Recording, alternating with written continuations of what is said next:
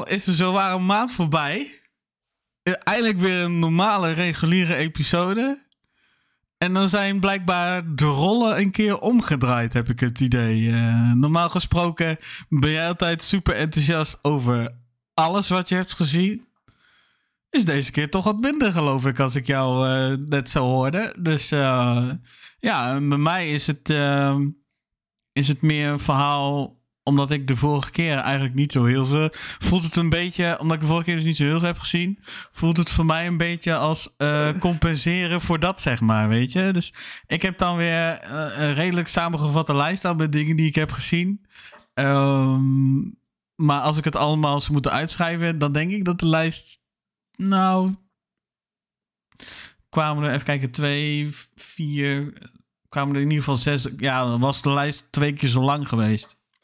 Ja, ik ben benieuwd. Dus dit keer Als ik, inderdaad eh, als ik alles eh, helemaal zou moeten uitschrijven. Dus eh, de rollen zijn omgedraaid. Dus het programma zit dus behoorlijk vol, zal ik zeggen. Of tenminste, ik, dat, dat, dan- het programma is vol. Dus ehm, start die band, maar dan gaan we gauw los. Dan hebben we tenminste nog heel veel tijd over om, om de oren van elkaars live te lullen. Ja, gaan we doen. Komt-ie.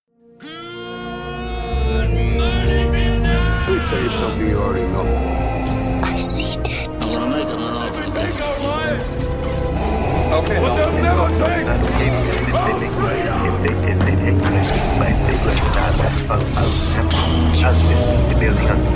You want answers? I think I'm entitled. You want answers? I want the truth. You can't handle the truth.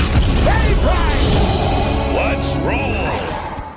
Ja, wat leuk dat je luistert dus naar aflevering 30 alweer. 30, Michael. Aflevering 30. de- Nog even en we hebben onze leeftijd ingehaald in aantal afleveringen.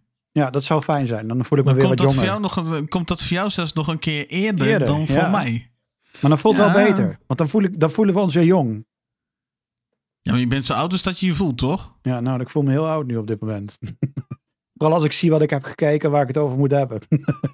Maar dat is je eigen schuld. En ik moet wel zeggen, er zitten hier en daar wel lichtpuntjes in. Dus er gloort op zich nog wel hoop. Er zit En, altijd ehm, een lichtpuntje aan. Altijd. Want het heb- stopt altijd. Er komt altijd In- een in- einde en een aftiteling aan.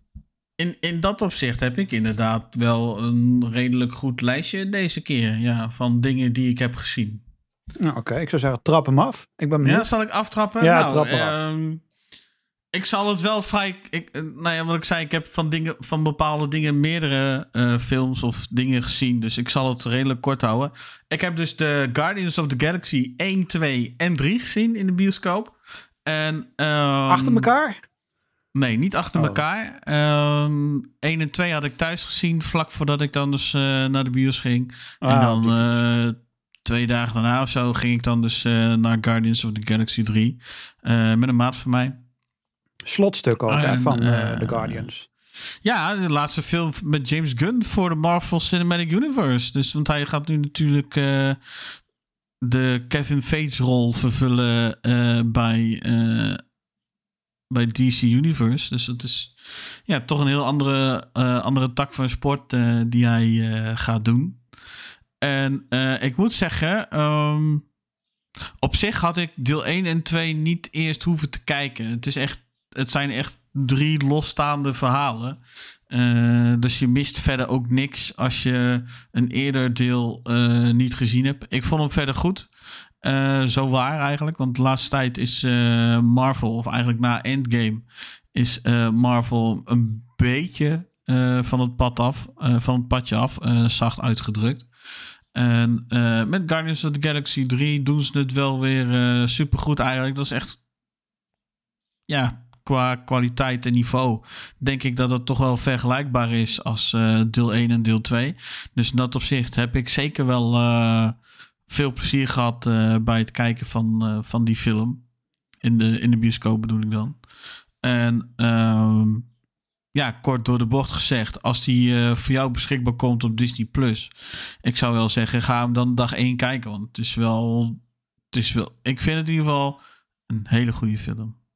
Ja, ik kijk ze sowieso altijd. eh, elke Marvel film. En dan heb, bij sommige heb ik spijt dat ik hem heb gezien. Want Ehm, Mania, Ja, eh, die kan ik wel meteen noemen. En in één adem. Dat was echt een gigantische clusterfuck waar je u tegen zegt. Ik snap niet waarom Marvel daar groen licht voor heeft gegeven. Ik snap niet waarom dat überhaupt op Disney Plus is geflikkerd. Want wat was dat een kutfilm zeg. Maar goed, dan hebben we in ieder geval die film ook alvast benoemd. Maar de Guardians films, ik vond die toch altijd wel toffer. Want die hadden een leuke, Ja. vrolijke comedy note. En vooral de cast was gewoon, is gewoon heel erg goed. Ja, en dat zie je eigenlijk ook in deel 3 terug. Eh, met natuurlijk ook wel weer een nieuwe ehm, mixtape. eh, met, eh, met muziek uit de jaren 80 vooral natuurlijk. Ja, En ja, die hele mix die ze ervan gemaakt hebben, om het zo maar eventjes te zeggen, dat, dat spreekt eigenlijk wel aan. En zeker nog steeds. Wat dat betreft, of in ieder geval voor wat The Guardians of the Galaxy betreft, is het echt wel jammer dat James Gunn nu dus eh, eigenlijk eh, in dat opzicht is gaan heulen met de vijand. Ik vind het in, voor Guardians of the Galaxy vind ik het echt jammer. maar ik denk ook wel hij dat het hij genoeg heeft was, echt toch? goede. Maar het was ook al genoeg. Ik denk niet dat er een deel 4, 5, 6, 7, 8 had moeten komen. Dat dit wel Laat ze, dus is. wel, laat ze dus wel open in de. eh, ja, de ene keer noem ik het Stinger, maar in de, in de after credit scènes, dan laten ze het wel open. Ja, die, die characters zullen vast wel weer in een Maar andere dan- Marvel film gaan komen. Maar dan Zo. wordt het weer een afgeslanktere vorm, zeg maar. Ja, precies.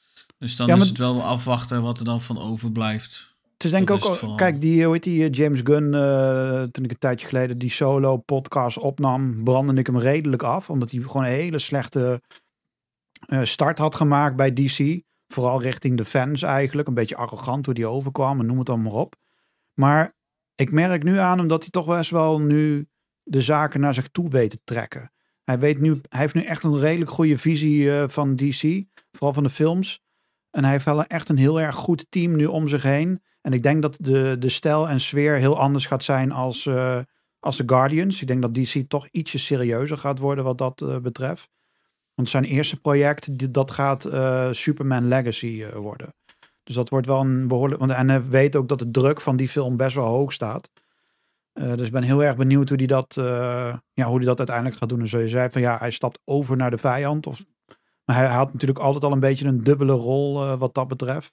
Dat hij dan nu overstapt naar DC vind ik eigenlijk ook helemaal niet erg. Want hij, hij kan het toch achteraf gezien best wel goed. En Guardians heeft hij goed gedaan. Maar ja, is natuurlijk geen garantie voor, ehm, voor succes. Voor de Want, toekomst, ja. want Marvel had hele goede films en is nu ook allemaal met kutpaperen. Dus Guardians is nog wel een beetje de laatste. Ik denk dat Guardians 3 de laatste is van Marvel. Wat het oude kwaliteit heeft van Marvel. Hierna krijgen we niet meer die oude kwaliteit. Dat is nu dood met deze film. Is, is, is afwachten natuurlijk. Ik bedoel, eh, je hebt natuurlijk de Marvels die gaat komen, onder andere. Gaat het Eh, ook niet halen. Secret, het- Invasion, maar Gaan hem bij, ook niet halen. eh, Secret Invasion niet? Dat is die met... ja, maar je gaat hem ook niet pakken. Samuel L. Jackson. Ik wil bijna Nielsen zeggen, maar dat is met... ik, ben op zich, ik ben op zich nog wel hoopvol, hoor. Maar het wordt volgens mij een serie. Ja, het wordt een serie. het wordt een eh, Disney Plus serie. Dus dat wordt wel even afwachten. En dan heb je nog een ding als Ironheart wat gaat komen. Dus dat is dan weer de vervanging van Iron Man.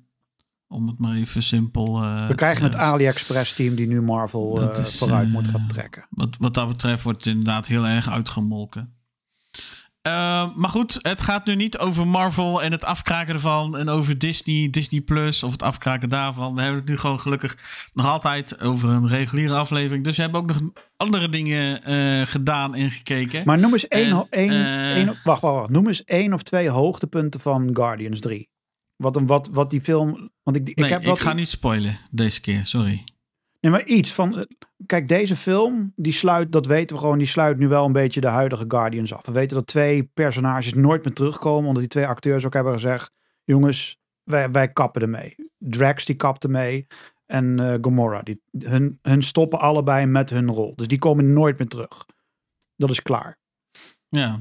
Dus dat, dat is. Kijk, wie, laat ik een andere. Welke vind jij grappiger? Vind jij Drax grappiger? Of eh, hoe heet die halve zo die Chris Pratt eh, speelt? Ik weet even niet de naam van haar. Ja, ik, ehm, ik weet alleen niet. hoe- Star-Lord. Ja, Star-Lord. Wel, wel- welke twee is in deze film leuker?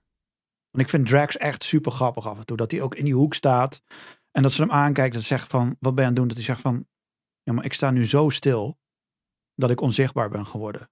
Gewoon die opmerkingen van Nee, hem. dat, zijn briljant. Dat, dat, dat, dat soort shit zit dus ook in eh, Guardians of the Galaxy 3. Eh, niet zo heel veel. Er zit soms wel, ja, er worden dan wel op, de, op zo'n manier worden dan soms wel wat geforceerd eh, geprobeerd om grapjes te maken, maar die zijn dan eigenlijk helemaal niet grappig of zo. Ah, oké. Toen ik, toen ik hem dan keek, ik keek hem dan op, op dag één dat hij in de bioscoop was. Eh, het was ook redelijk vol in de, in, in de zaal. En eigenlijk niemand die dan om Drax of dat soort, situ dat soort frappante situaties eh, eh, ging lachen, zal ik maar zeggen. Oh, oké. Ja, misschien omdat inmiddels zijn, zijn humor wel bekend is, die droogheid die hij heeft. Misschien dat dat het is. Dat zou kunnen, dat zou kunnen. Ik heb daar zo exact even geen, eh, geen idee van. Ik heb er verder ook geen cijfers van. Nou, het enige wat ik weet is dat het niet zo heel bijster interessant was, zal ik maar zeggen. En ehm, het is vooral Guardians of the Galaxy 3 is vooral een, eh, een origin story voor Rocket. Oh ja, dat is wel inderdaad dat ik veel voorbij eh, zag komen. Op, op zich best wel apart dat ze dan nu een... Ah, en laat maar. Ik, ik denk dat ik al weet waarom we een Origins verhaal krijgen van Rocket. Laat maar. Oké, enlighten us, zou ik zeggen. Ik heb het idee dat ze dan toch gewoon daar mee verder gaan. Dat daar een serie of een film verder gaat van komen. Want waarom zou je anders Rocket in één keer gaan uitlichten? Na drie films, of in de, derde film. En dat, Ja, is de ja, enige, nee. en dat is de enige character die Marvel makkelijk mee kan nemen. Want het enige wat gedaan hoeft te worden is CGI. Nou, dat is er al. En eh hoe heet die halve zol? ehm, Bradley Cooper. Bradley Cooper hoeft alleen maar even in de studio te duiken. En die hoeft zijn voice te doen en klaar. Dus dat is de meest makkelijke character om daar nog verder iets mee te kunnen gaan doen. Ja, eh, En Groot hetzelfde- natuurlijk. Ik wou net zeggen, hetzelfde geldt natuurlijk net zo goed voor Groot. Maar die, ja. Nou ja, in een van die, in een van nou, de during credits scene is dus inderdaad dat, eh, dan zie je inderdaad dat eh, Rocket, sorry, ik moest even nadenken hoe ik het weet. Maar dat Rocket, die gaat dan dus inderdaad verder. Die heeft dan onder andere dus Groot bij zich en nog wel meer. Ja. Van de Guardians of the Galaxy niet iedereen. Omdat dus inderdaad eh Star-Lord die stopt. Die, eh, die gaat dan terug naar de aarde om weer bij zijn pa te zijn. Want die hoort dan dat zijn pa dan nog leeft en weet ik het wat. En eh, die heeft toch wel zoiets van, ja, die wil het toch wel goed maken, zal ik maar zeggen. met zijn pa. En dat, dat doet hij dan uiteindelijk ook. En uiteindelijk dan blijft hij er ook. Ah, oké. Ja, dan kunnen we er wel van uitgaan dat ze wel iets Maar met die twee, Groot en Rocket, wel gaan doen. Ja, maar dat is niet zozeer iets waar het verhaal dus in deze film zeg maar om gaat. Dus het is meer van, ja, het, is genoeg zo voor, tenminste eh, voor Star-Lord is dan denk ik van, ja, het is eigenlijk wel genoeg zo voor mij. Ik wil, eh, ik wil het goed maken met mijn pa, dus ik ga mijn pa opzoeken. En, eh, Oh, zo ja, ja, ja, oké. Oké. Nee, ja, zodra die op, op Disney Plus komt, dan ga ik hem zeker kijken. Want ik ben wel benieuwd. Want eh, de, de Guardians is toch allebei. Ik vond altijd wel een leuke serie. Ook eh, die, die gasten, hoe ze onderling zijn. Die Star-Lord, niemand luistert naar hem. Eh, ook een endgame, eh, dat, ze, dat hij zegt van oké, jullie gaan die kant op en ik ga die kant op. En dat hun echt het compleet tegenovergestelde deden wat hij zei. En ook het plan met, met Iron Man toen. Dat hij een heel plan ging vertellen. En, of dat, dat Iron Man of Tony Stark echt een heel plan aan het vertellen was. En dat hij van ja, is allemaal wel leuk. En dat hij in één keer heel stoer zijn verhaaltje ging doen. Ik, hun blijven gewoon een leuk team. En nu hun ook weg zijn, ja, is, is, is het gewoon gedaan met Marvel. Klaar.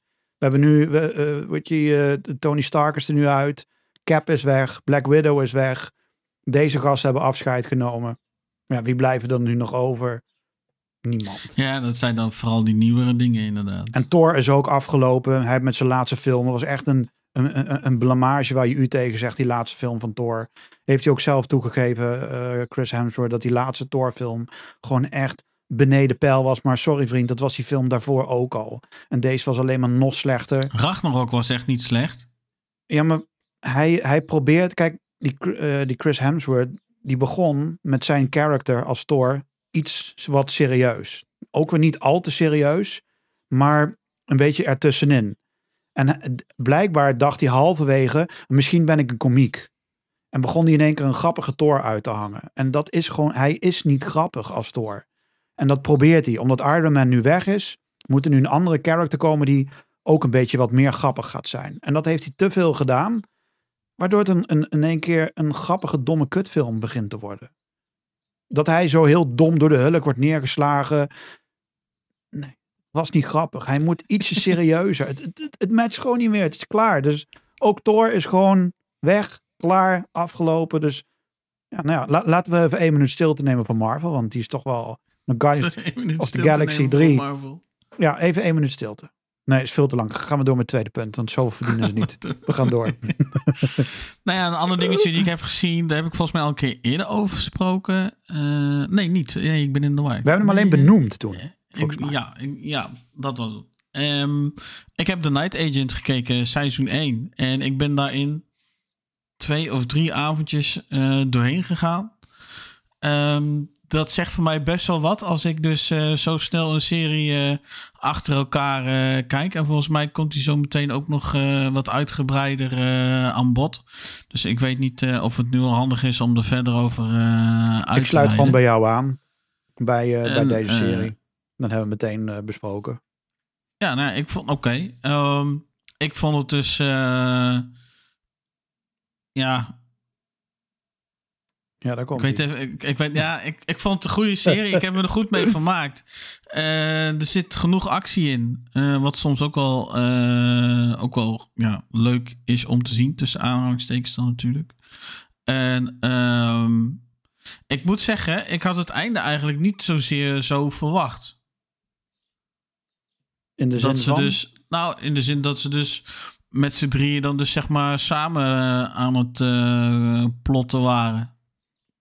Nou, weet, weet je wat deze serie... Want ik heb hem ook... Kijk, ik dacht, dit wordt weer zo'n... eh, want hij werd een beetje vergeleken met eh 24, Designated Survivor. Daar werd hij een beetje mee op één lijn gezet. Nou, op 24 komt hij belangen na niet in de, in de buurt. Designated Survivor ook niet, want het zijn best wel serieuze series. En 24 staat gewoon helemaal alleen bovenaan. Dus ik had zoiets van, oké. dit want heel, heel vaak wordt er... En hij werd zelfs vergeleken met dit is de James Bond eh, van Netflix. Nou, sorry, dat is het ook niet. Maar wat het, dat is, dat, dat, daar komt het ook echt niet in de buurt. Er komt geen enkele film daarbij in de buurt. Maar wat deze film voor mij eh, zo goed maakte, is die twee hoofdrolspelers. Die chemie die die twee met elkaar hadden, dat was echt fantastisch. Want vaak heb je wel een beetje karakters die niet lekker op, op het scherm matchen met elkaar of zo.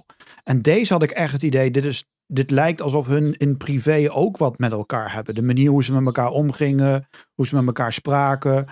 En ook de rest van de cast die daar omheen hing, dat voelde gewoon allemaal aan alsof dit een serie was wat al, eh, weet ik veel wat, tien jaar of zo met elkaar aan het werk was of zo, die hele cast. Wat natuurlijk niet is, want die serie is net begonnen. En iedereen matchte gewoon met elkaar. Ik heb geen enkele karakter gehad waarvan ik dacht, hier stoor ik me aan, of dit is een amateur, of weet ik veel. Alles klopte. En ik vond de, de twist in de serie, eh, dat uiteindelijk die eh, Diane, dat zij uiteindelijk de bad guy was. Ook dat zag ik gewoon totaal niet aankomen. Er waren heel veel van die twistpunten waarvan ik elke keer dacht van, oké, ik zag hem niet aankomen. En dat voor een Netflix-serie, knap hoor. Achteraf heb ik wel van. Had het misschien wel kunnen weten of kunnen. Ik, ben- ik ben wel verrast, dus doordat het zo doordat het gelopen is, hoe dat, het, hoe dat de serie zich ontvouwd heeft. Maar als ik dan achteraf terugkijk, dan denk ik wel van ja, op zich had ik dan ook wel slimmer moeten wezen in dat opzicht. En eigenlijk een beetje moeten zien dat die Diane inderdaad toch een beetje eh, de, ja, dat toch wel dan soort van de hoofdschuldige is of zo. Dat, Ja, ik, ik had, ik ja, dat had is altijd natuurlijk met de kennis van beter- ja, precies. Dat, daarom dat ik net zeg van ja, misschien een beetje achter. Maar ik- ja, ik heb dus wel zoiets van ja, misschien had ik gewoon even moeten zorgen of wat slimmer moeten zijn. En dan denk ik dat ik er wel doorheen had geprikt. Ja, maar Want kijk, ze heeft natuurlijk, ze heeft natuurlijk wel een semi-grote rol in de serie. Het is natuurlijk niet de hoofdrolspeler, want dat zijn eh, die gast die de Night Agent speelt. En dan eh, die chick waar dan dus de oom en tante van vermoord worden. ja, Dat precies. zijn de hoofdrolspelers. En eh, ik denk dat zij dan toch wel omdat ze ook in bijna elke aflevering voorkomt, had ik, ja, dan ik misschien toch eens wat moeten kunnen bedenken van, hmm, misschien zit er meer achter haar dan, dan dat het lijkt.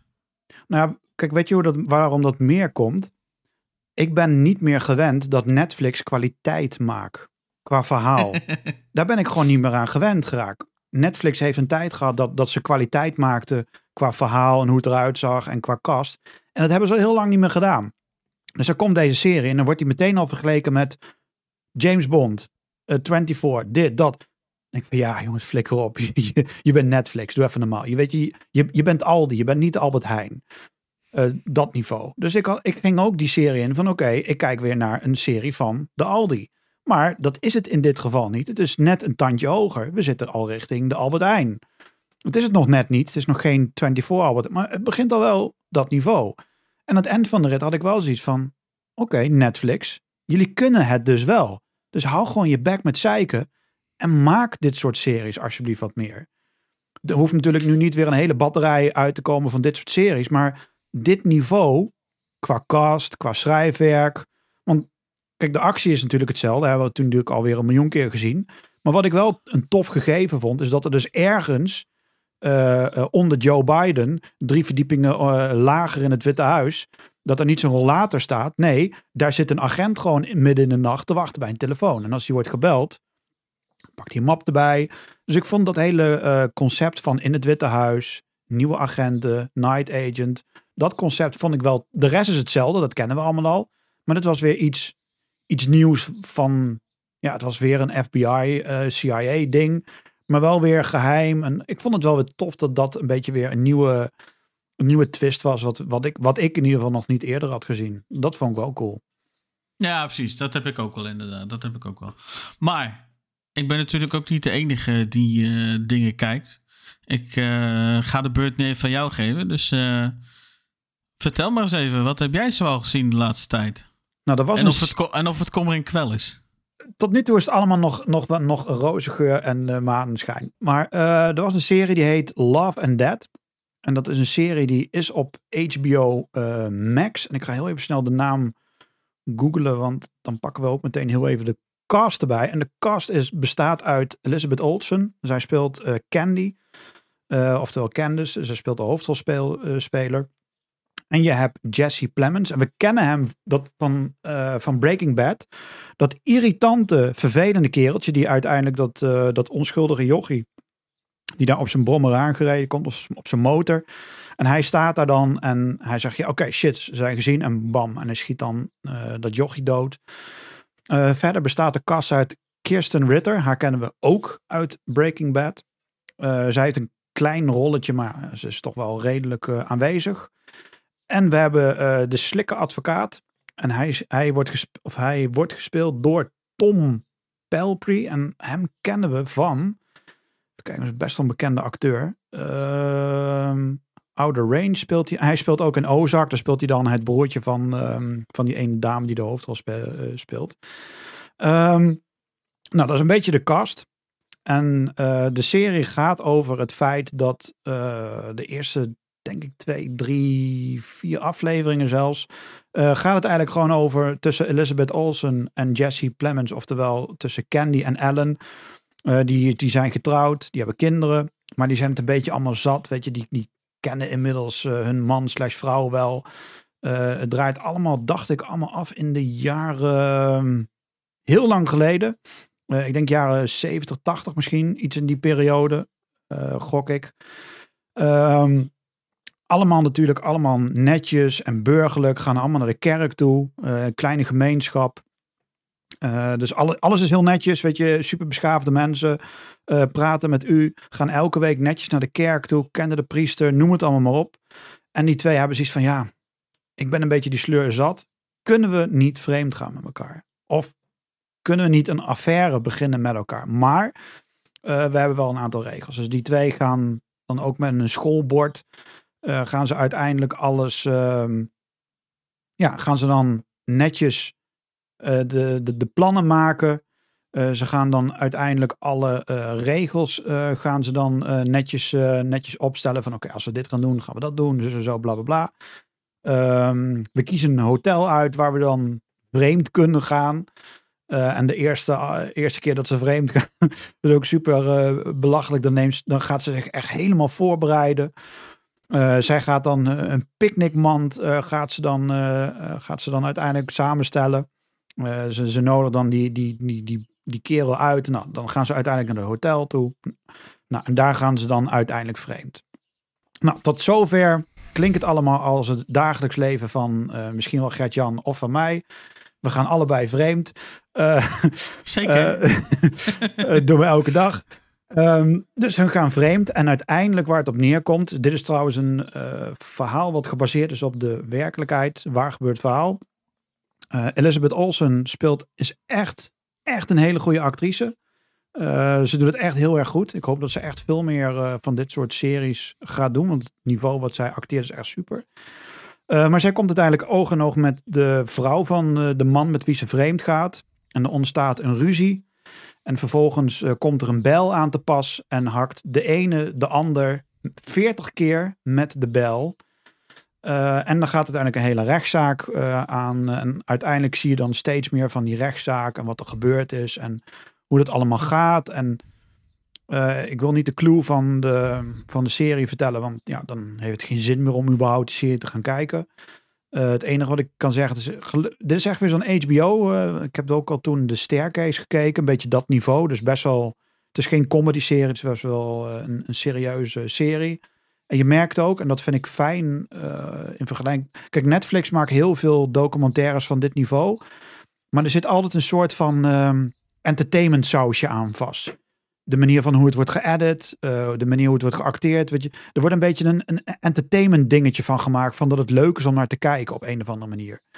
Eh, en HBO Max die weet het toch eh, wat serieuzer aan te pakken. Om toch die toon meer te doen van dit is meer informatief dan dat het entertainment bedoeld is. Als je begrijpt wat ik bedoel. Ehm, en dat hebben ze met de Staircase hebben ze dat heel erg goed gedaan. En dat hebben ze ook met deze serie Love and Dead hebben ze dat enorm goed gedaan. Ik geloof een aflevering of zeven volgens mij even uit mijn hoofd. Eh, hele goede aflevering, goed inhoudelijk. En ik hoop dat er nu nog een. Want ik hoop dat er nog een documentaire nakomt. Die ingaat op een bepaald onderdeel. eh, wat in die serie net niet goed naar voren kwam. Eh, want uiteindelijk wordt de, de daad wanneer die ruzie ontstaat. wordt omschreven. Maar naar mijn gevoel wordt dat net niet diep genoeg inhoudelijk eh, gedaan. Er wordt heel veel verteld hoor. En er wordt ook heel veel getoond waarvan je denkt. Oké, stop maar. Maar ik zou net iets meer achtergrondinformatie eh, daarvan willen. Of misschien is dit het wel, want het is een eh, vrij oud verhaal. Wat ik al zei, jaren 70, jaren 80 eh, is het allemaal gebeurd, geloof ik, iets in die richting. Ehm, dus ja, ga ook niet Google. Stel je wilt deze serie zien, ga er niet op googlen, want dan weet je al hoe het eindigt.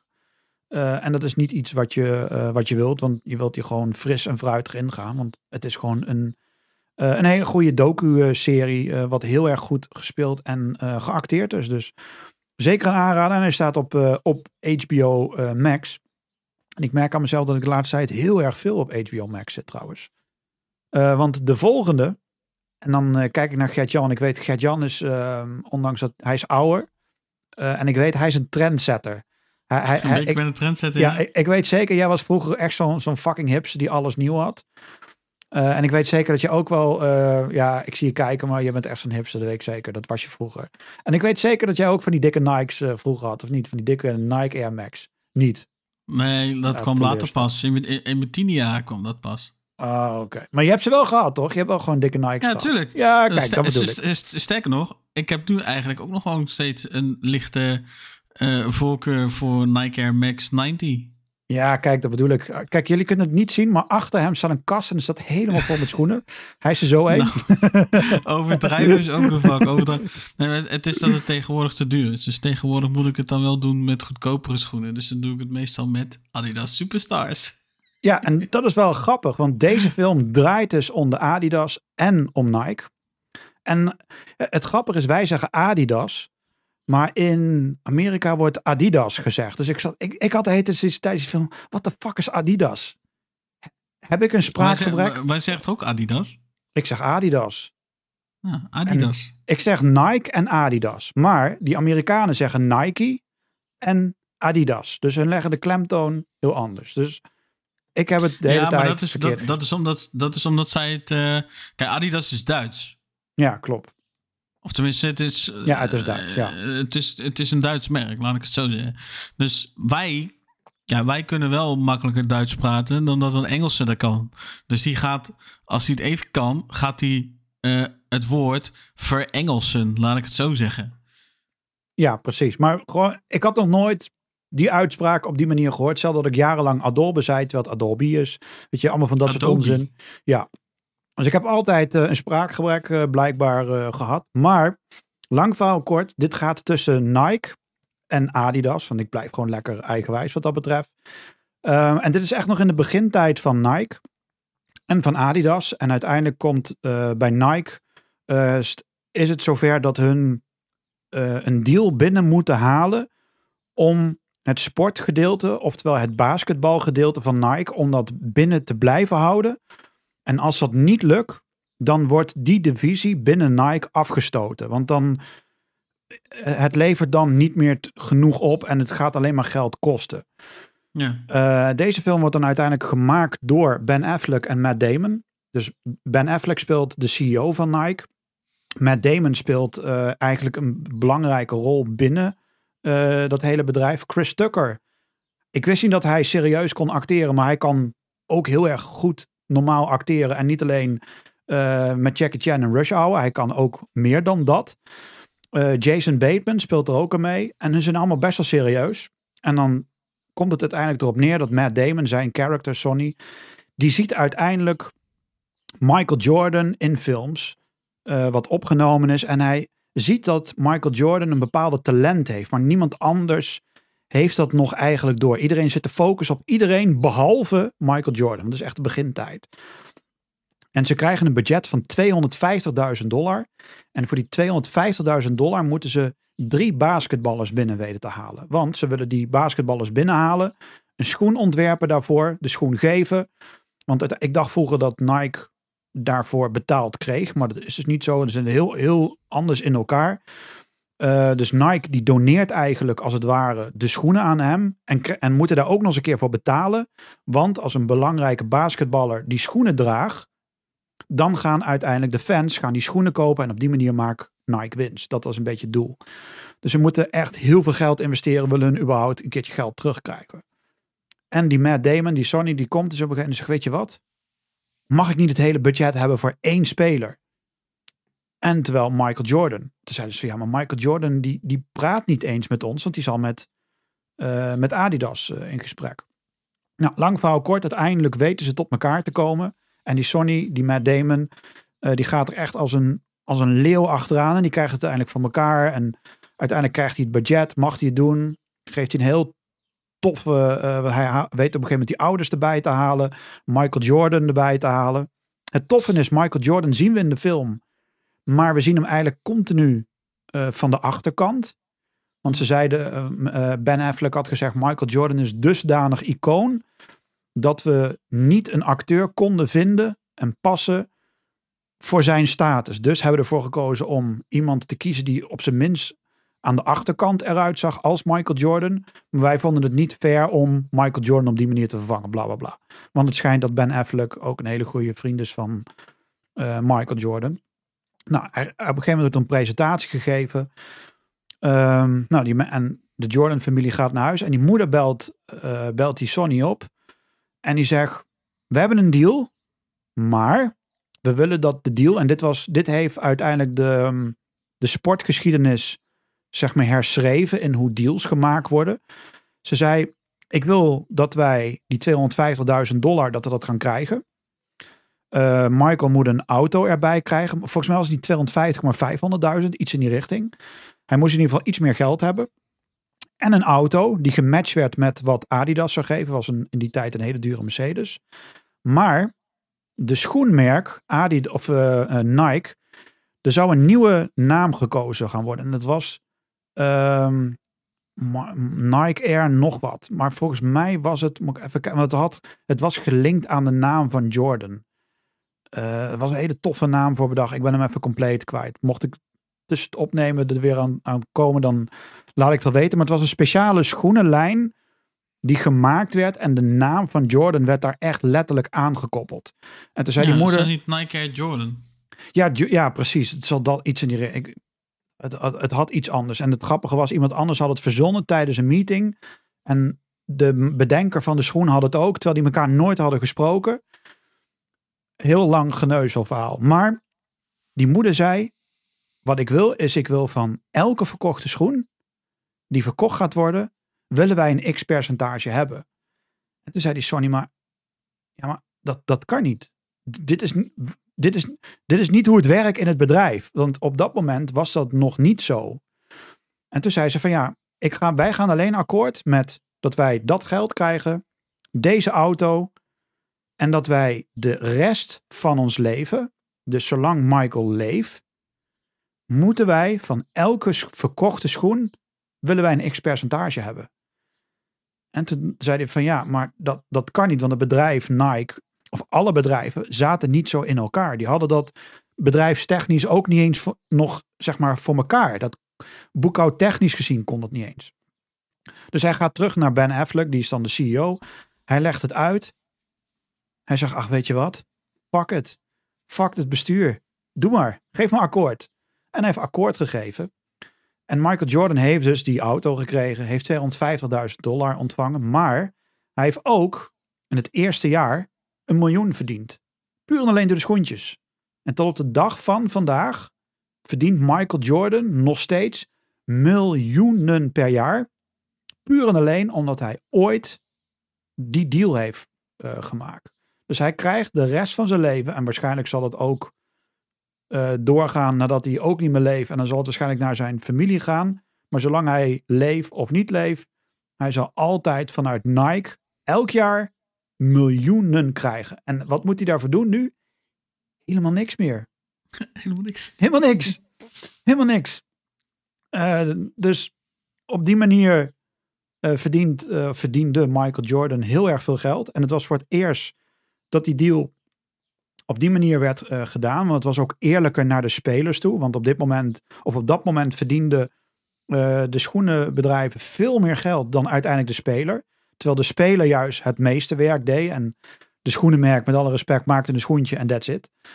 Eh, en het was juist dat die schoen weer meer werd verkocht doordat de speler in hoog en aanzien. Dus die hele structuur werd dusdanig overgenomen dat andere basketballers ook zeiden tegen Nike of Adidas of maakt niet uit, al, was, al ging het om een t-shirt of om wat.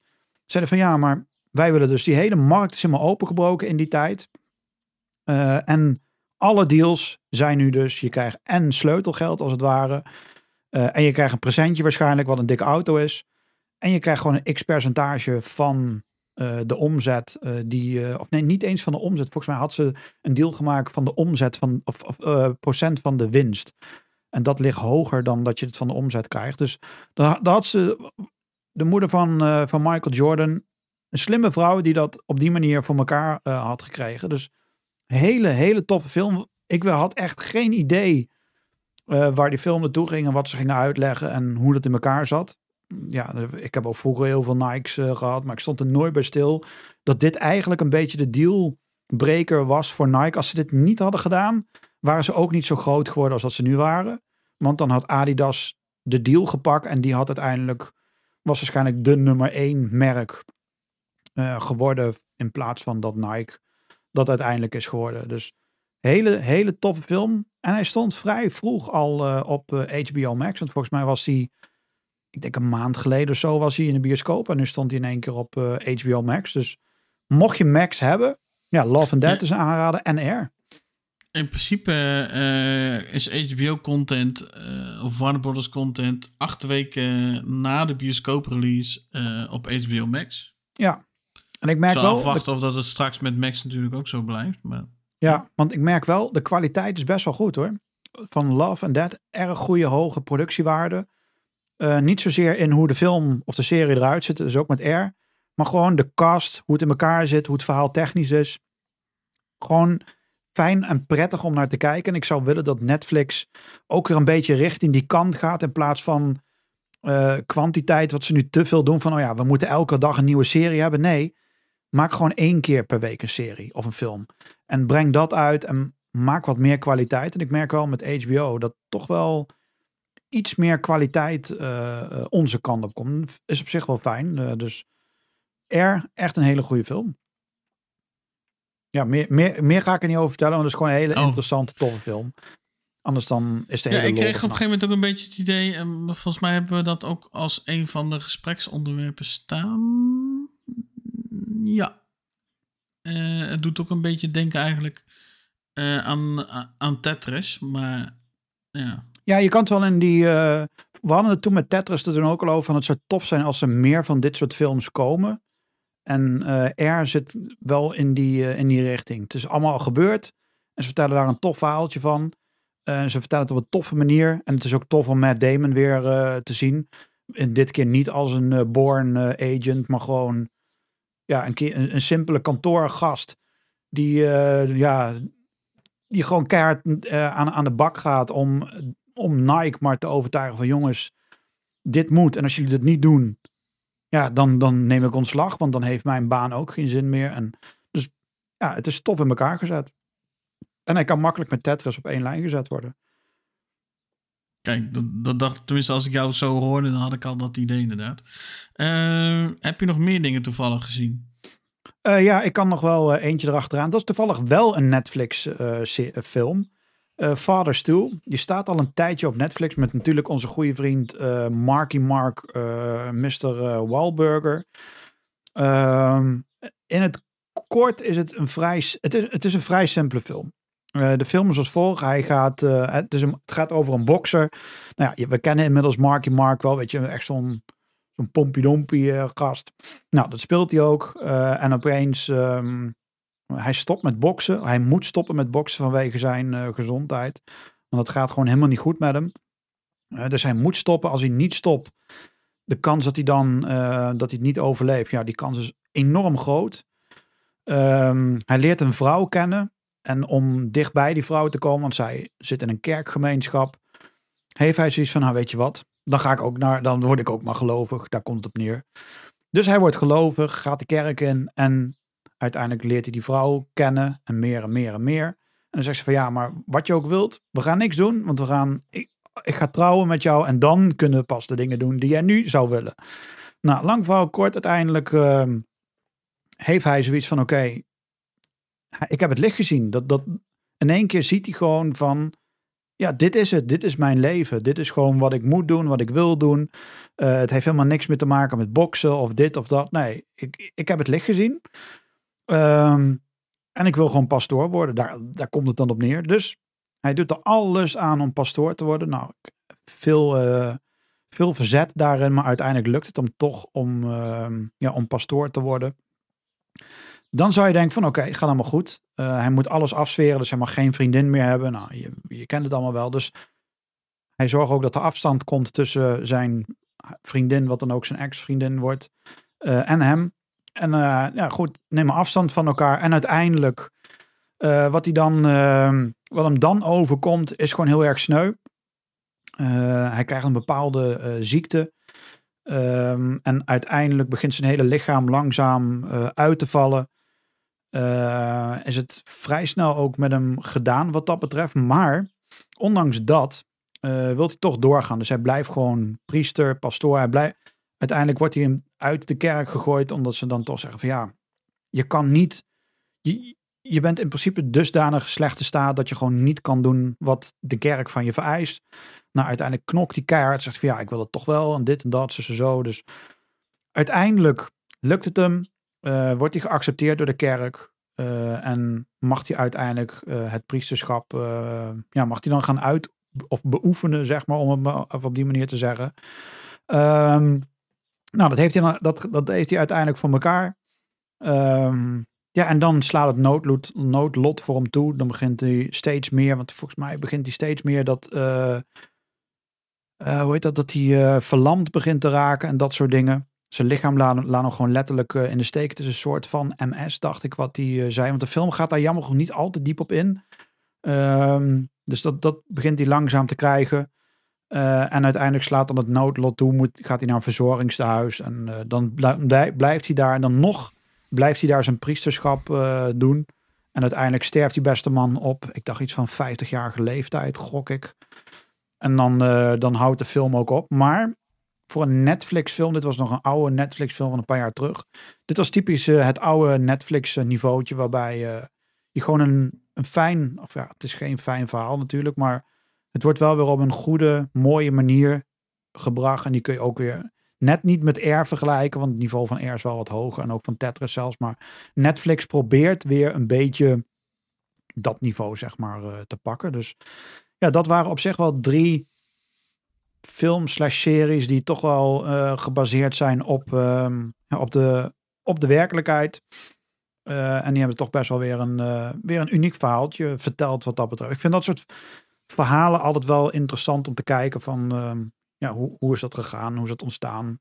Vind ik vaak interessanter dan een eh, fictief verhaal. Ik vind het wel veel toffer, omdat het iets meer toevoegt of zo. Ik weet niet waarom, maar ik vind dat het wel net wat interessanter dan een fictief verhaaltje. Om, om maar even kort door de bocht te zijn. Dus dat zijn in ieder geval, denk ik, heel even de relatief. Er komt nog één pluspuntje, maar die komt dadelijk als Gert-Jan weer het een en het ander heeft verteld. Maar voor, dit waren in ieder geval wel redelijke hoogtepunten. De, de grootste hoogtepunt komt in de gespreksonderwerp. Want dat ga ik niet als een voetnootje hierin vermelden. Maar dat snap je wel.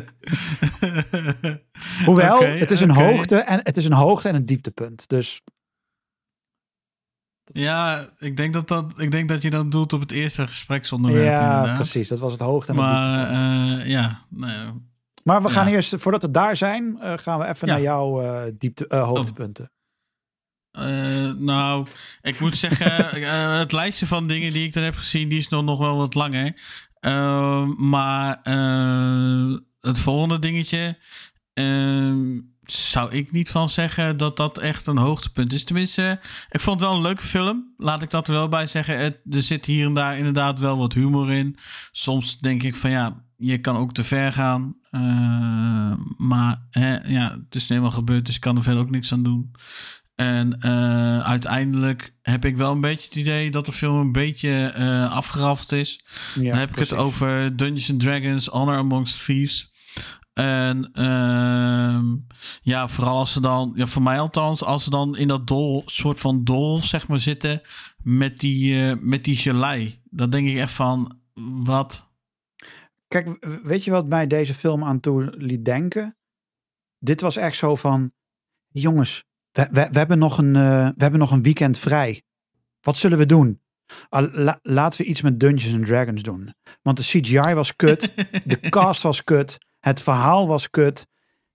En, dat, en die mix bij elkaar, dat sloeg nergens op. En nu hoor ik, nu hoor ik al die jochies in die keldertjes zitten die Dungeons and Dragons speelt. En ik zeg het op een oneerbiedige manier, maar dat is natuurlijk niet zo. Eh, en ik weet, ik, ik ken een aantal van die gasten, dus, maar ik, ik zie jullie zitten in die kelder en ik hoor je naar boven roepen, maar dat is niet zo. Dan begrijp je de film niet. Want jij zit daar niet in. Fuck jou, man. Dit was echt serieus een gigantische clusterfuck aan een film. Dit sloeg helemaal nergens op, deze film. Echt. En ik hoop, en dan, dan die, de, de actrice Michelle Rodriguez, ik hoop echt dat zij een keer probeert te lachen in een film. Want ook in deze film was het weer, kijk mij. Ik ben, ik ben die stoere chick, weet je. Ik ben die, die stoere vrouw die alles aan kan. En eh, Chris Pine, ja, ga jij maar even met je nep eh, Captain Kirk houding, ga je maar gewoon lekker in het hoekje zitten. En, want ik ben de man en jij bent de, de, de vrouw in deze film. Dit was zo'n clusterfuck aan film, dat ik echt dacht, alsjeblieft, laat die aftiteling komen, jongens. Kom op. Dan, dan, dan, dan heb ik hem. Nee, ik moet wel zeggen, qua verhaal vond ik, ja, qua verhaal en uitvoering, qua verhaal, laat ik het zo zeggen, qua verhaal vond ik het een op zich best wel een leuke film. Ik heb hem best wel mee vermaakt. Eh, ben ik blij dat ik hem niet in de bioscoop heb gezien? Jazeker. Ik ben wel, Ja. ben, ik ben in dat opzicht ben ik wel eh, aangenaam verrast. Laat ik, het, laat ik het daarop houden. Ehm, ik vond het geen bioscoopwaardige film. Nee, dat is. Maar dit dat, had. dat heb ik zeker niet. Maar ik heb wel zoiets van, ja, ik vind het op zich qua verhaal op zich wel een prima film. Alleen eh, iets genuanceerder dan hoe jij het net zei. Dus van ja, tenminste hoe het dan op mij, eh, eh, hoe het op mij overkomt. De film die lijkt op een gegeven moment in één keer op een, na een bepaalde tijd. Dan zit die film in één keer in een keerpunt, heb ik het idee. En eh, dan is het van, goh Henk, als we nu opschieten en dit even snel eh, afraffelen, dan hebben we eerder weekend. Ja, wa- want wat probeerden ze met deze film nu te doen? Ik begrijp niks van wat ze nu met deze... Kijk, en ik hoor, ik, ik hoor je die in die kelders al denken. Ja, maar jij speelt geen Dungeons and Dragons. Dus dan snap je er geen kloten van. Nee, dat maakt helemaal niks uit. Dat heeft er niks mee te maken. Ik weet niet wat deze film probeerde te doen. Want aan de ene kant probeerden ze een parodie te zijn op Dungeons and Dragons. De andere kant weer niet. Het andere moment probeerden ze weer heel erg serieus te doen. En de andere kant probeerden ze weer de man-vrouw rol om te draaien. Ik begrijp niet wat ze met deze film wilden doen. Er zat geen lijn in deze film van oké, dit is wat wij met deze film wilden gaan doen. En sterker nog, ik kan me geen bal bijna meer herinneren van deze film. Behalve dat hij er alles aan doet. Want de film draait om het feit dat hij zijn vrouw weer wilt laten terugkeren uit de dood. Dat is wat hij Mhm. wilt. Ja. Maar dan sterft het vriendinnetje wat hij later leert kennen, die sterft dan. En die gaat hij dan rebooten. Ja, waar Ja. de fuck heb ik dan de hele tijd naar zitten te kijken, man? De, hij is de hele tijd is hij huilie huilie geweest, omdat zijn vrouw dood is gegaan. Snap ik, begrijp ik. Dan heb je de kans om haar te rebooten. En dan doe je dat niet omdat je dochtertje is opgegroeid met een vriendinnetje wat meer jouw zus is dan je vriendinnetje in de film, in die wereld. Ja, waar, waarom heb je dat dan niet meteen in het begin gedaan, man? Dan had ik niet drie uur naar een film hoeven te kijken. Sterker nog, hadden ze in principe, niet- als ze niet op pad hadden gegaan, hadden ze het niet eens nodig gehad. Ja, dan had hij gewoon kunnen zeggen, ja, maar jij bent ook goed. Oké, prima. hey, doei. We zijn geen broer en zus van elkaar, want het was een broer en zus relatie. Nee, we gaan gewoon eh, andere dingen doen. Game of Thrones. Hartstikke idee. Ja, dat had ik inderdaad ook. Dan denk ik van ja, hmm, dan wordt zij nu dus weer, dan wordt, dan wordt die, die vriendin, die wordt dan tot leven gewekt, want die had meer binding met zijn dochter Ja, dan, dan dat zijn moeder dat had, want die was dan op jonge leeftijd gevlucht of doodgegaan of whatever. ja. Dus aan de andere kant snap ik dan wel, aan de andere kant snap ik dan dus wel dat eh, doordat zij dan dus stierf, dat zij dan dus eh revived werd. Maar het, blijft natuurlijk wel een beetje een gek dingetje. Want wat ik ook zei, hadden ze niet op, hadden ze niet op pad gegaan voor dat ding, had er verder ook niks gebeurd. Dus Die film had na tien minuten afgelopen kunnen zijn. ja, in principe in, de, in dat opzicht wel. Maar ja. Het was dus een heel avontuur. En aan het einde van de rit ging zij dood. die- dan had je dus ook die, eh eh, die doolhofscène niet gehad. Ja, Met, eh, met die gekke gelei. ja, met Flubber. Of, of Want nou dat- ja, ik, ik noem het maar even gelei. Ik weet Ja. niet wat voor speel dat het moet voorstellen. Maar toen dat kwam, toen had ik zoiets van... Oké, eh, de film was al niet heel geloofwaardig. Maar als ik dan voor geloofwaardigheid een cijfer moet geven... dan kom ik denk ik toch wel op een negatief getal uit. Ja, dit, dit, dit sloeg nergens op. En Het, eh, dat, dat is echt wel een beetje dat ik denk, ja. En natuurlijk zijn er ook wel andere films waar je dan je bedenkingen bij kan helpen. Eentje komt zo meteen nog voorbij. Daar heb ik al eerder over gezegd dat daar wat eh, overdreven scènes in zitten. En eh, ik denk dat, eh, dat dat zo meteen wel bevestigd gaat worden. Dus eh, Het was Ja, zonde. je- Het was zonde. Het had gewoon, als ze iets meer tijd erin hadden gestoken. Ik vond ook de, ze hadden hem ietsje serieuzer mogen maken. Want het was echt de hele tijd, oh kijk mij, ik ben grappig. Ik ga een grap vertellen of ik ga grappig doen. Terwijl, want Chris Pine, als hij, in, eh, als hij Captain Kirk speelt, perfect. Weet hij precies dat balans tussen serieus en grappig continu te doen in de nieuwe Star Trek films. Prima. Ik heb, ik heb verder niks met de oude series van Star Trek. De films vond ik best tof, omdat hij precies dat grensje wist op te zoeken. En dit was de hele tijd, eh, zoals ik al zei, die Michelle Rodriguez. Zij was de hele tijd zaggerijnig. Het was gewoon niet prettig, omdat meid, lach een keer. Weet je, lach een keer. Is, is niet erg hoor. Je mag best lachen, dat mag. Want in, in de fastfilms lacht ze ook zelden tot nooit. Lach een keer. Weet je, je verdient godverdomme tonnen met de... ah, ik zat daar wel. Ik, ik, ik weet precies wie je bedoelt. En ik zat ook al van. Lach ik een keer, haar erg. Ik, nou, niet zozeer van lachen een keer, ook wel. Maar ook vooral, of glimlachen. Eh, maar ik had ook wel zoiets van... Ik ken jou ergens van. Ja, ja Maar ik kon het de vervolgens- kon het vervolgens niet plaatsen. Dus nu dat je dan zegt Fast and the Furious, ik zoiets van... Ja, kut. Ze is natuurlijk het vriendinnetje van Dom. En daar speelt ze ook de hele tijd al serieus. Ja, niet dom in de zin van dat hij dom is, maar ja, hij ja, dom. ja, nee, ja, jij bedoelt Al dom. is het wel een hele domme filmserie, maar daar komen we al op terug dadelijk. Maar, en, ja, en zij had de hele tijd die rol van, ja, maar ik ben eigenlijk de man. En eh, Chris Pine was eigenlijk de tijd de vrouw. Dat, dat, weet je, dat, dat geneuzel hebben we nu volgens mij toch wel achter ons. Dat een vrouw hoeft zich niet meer te bewijzen in de film. Die hoeft niet meer te zeggen, oh kijk maar, eh, en eh, op de borst slaan. En en dat, dat de man in de hoek zit met make-up. Pleur op man. Doe gewoon we, zitten, we zijn inmiddels al uit het tijdperk dat vrouwen best stoer kunnen zijn. En dat mannen best wel af en toe wat minder. Maar kom op, dat hoeft niet zo benadrukt te worden. Het was echt serieus. En ik hoor je alweer in die kelder eh, kraken. Ja, maar je kent, je hebt niks met. Ik heb inderdaad helemaal niks met dat riddertjesgeneuzel en dat gevingerverf. Daar heb ik helemaal niks mee. Maar deze film, ondanks dat je dat vingerverven leuk vindt, was deze film een belediging voor Dungeons and Dragons in het algemeen. Ik vond het echt nergens opslaan. Want die film die je dadelijk gaat benoemen, dat is een miljard keer beter. En Dungeons and Dragons, deze En film, fictief, hè? En fictief, Ja, hè? maar- Even koekoek. eh, fictief, hè? Maar deze film, Dungeons and Dragons, probeert een beetje dan te snoepen. Want dat doen al die films van, de, van die filmserie. Ze komen niet eens in de buurt, man. Echt, het zit, Nee, niet eens in, nee. het, het zit niet eens in dezelfde galaxy, deze twee films. Maar ze proberen wel een beetje in de galaxy far, far, far, far, far away. Zelfs dan komt het niet eens in de buurt. Maar die heb ik, even voor de goede orde, die heb ik dan weer niet gezien. Nee, maar dat maakt niet uit. Kijk, dat je een cultuurbarbaar bent, dat weten. Dat, dat is niet erg. Maar het belangrijkste is dat Kan ik er een keer over praten? Ja, je praat er toch elke week over. Dat Oh. doen we hier. Ehm, eh, maar kijk, het, het, lullig, het stomme is dat heel veel films... die proberen natuurlijk iets van Lord of the Rings of van The Hobbit mee te pikken. En deze film, die probeert dat ook. Want dat proberen ze allemaal. Maar dan denk ik van ja jongens, weet je, deze film is zo dom. Zo slecht en zo kut uitgewerkt. Dit had niet eens, dit had niet eens in de bioscoop gemogen. Eigenlijk zou je, als je uit de bioscoop zou komen, zou er iemand moeten staan en moeten zeggen: Ja, mijn excuus hiervoor. Eigenlijk was dat gepaster geweest.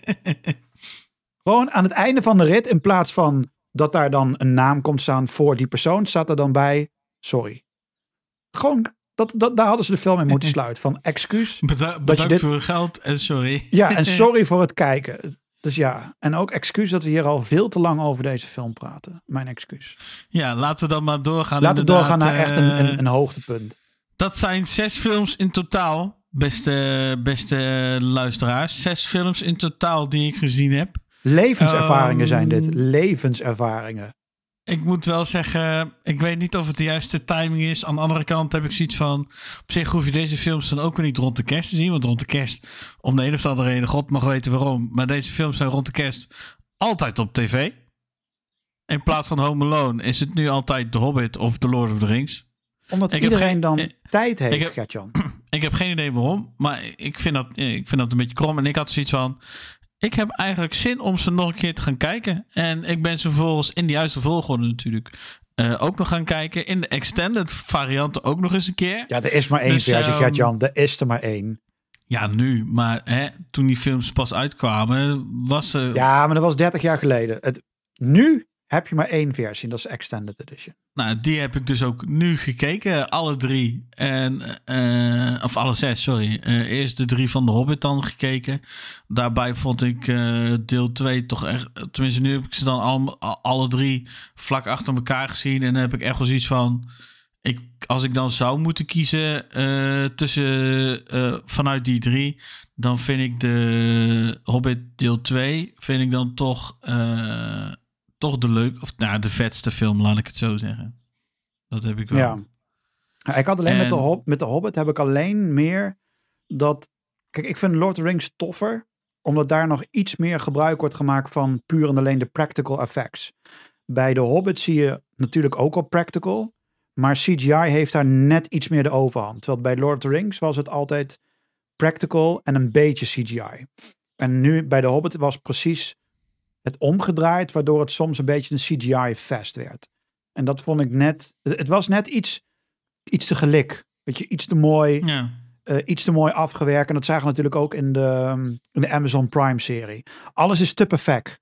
Te mooi, te glad, te glimmend. En dat had ook, The Hobbit had dat ook net iets te veel in vergelijking tot de, de Lord of the Rings. De Lord of the Rings blijft toch eh, de beste filmserie, de beste filmtrilogie die er is. Al moet ik er dan wel bij zeggen, ik vind dan bij The Lord of the Rings, eh, vind ik dan weer wel eh, dat het moment dat eh ding is dan die lava inflikkert en de ring. Ja? Ik weet niet, het, het, het doet voor mij een beetje af als, ja, toch ook een beetje af als afraffelen een beetje. Wacht, jij gaat hier nu Dat, om dat tien heb- over dat- half drie dat- op deze vrijdagmiddag voor ons. Ja, dat heb ik. Het- Ga jij nu? Het is, het is, begrijp me niet verkeerd, hè? Het is verder wel een hele goede film. Alleen, ja, je, je weet eigenlijk al in deel 1 van de films, weet je al van nou, dat die ring, die moet dus eh, kapot. En dat kan alleen in eh, eh, het vuur of in de lava of whatever van Mount Doom. En dan gaan ze er naartoe. En wat gebeurt er dan? Is er een kleine schermutseling tussen, eh hoe heet die nou, Elijah Wood en eh, die Frodo en Gollum. eh, Frodo en Gollum en Smeagol inderdaad. En vervolgens Smeagol die flikkert naar beneden met die ring erbij en dat is het dan. Kijk, kijk Gert-Jan, even goede vrienden. Het is, het is, Kijk, het eh, is eh, alsof je, het is of nee, eh, wat ik bedoel, er is een laaiend vuur. Het ziet er super tof uit. En uiteindelijk is er een klein vlammetje die dan uiteindelijk geblust wordt. Dan is er de hele tijd heel vet vuur, vuur, vuur, vuur, gevaar en oeh, oeh, oeh. En als puntje bij paaltje, dan is het nog maar een kaarslichtje die uitgeblazen wordt. Kijk, ik, ik, ik vergaf je. En, nee, en nee, nee, dat, wacht, vind, wacht. dat kijk, vind ik gewoon jammer. kijk ik, ik vergaf het je, ik vergeef het je dat je niks met Star Wars hebt, weet je. Dat, dat kan. Iedereen heeft zo zijn, eh, zijn mankementen. Hebben we allemaal. Dat is een van jouw mankementen. Ja, maar dat je, ja. dat je nu, dat je nu Lord of the Rings ook maar even die, die, die grond zo Nee, in... nee het, het gaat me dan speciaal. Nee, die, Kijk, nee, begrijp- nee, wacht, wacht. Kijk, ja, kijk, het toffe aan Lord of the Rings.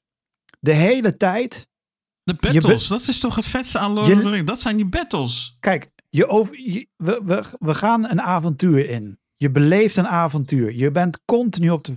Continu spanning, dit en dat. En uiteindelijk, aan het einde van de rit, moeten ze die hele kutberg op. En uiteindelijk zijn ze daar, komen ze daar naar binnen. Heb je dan inderdaad dat laatste gevecht. Dan gooit hij hem erin. Smeagol valt naar beneden, Gollum. En die verbranden allebei. En dan totale rust.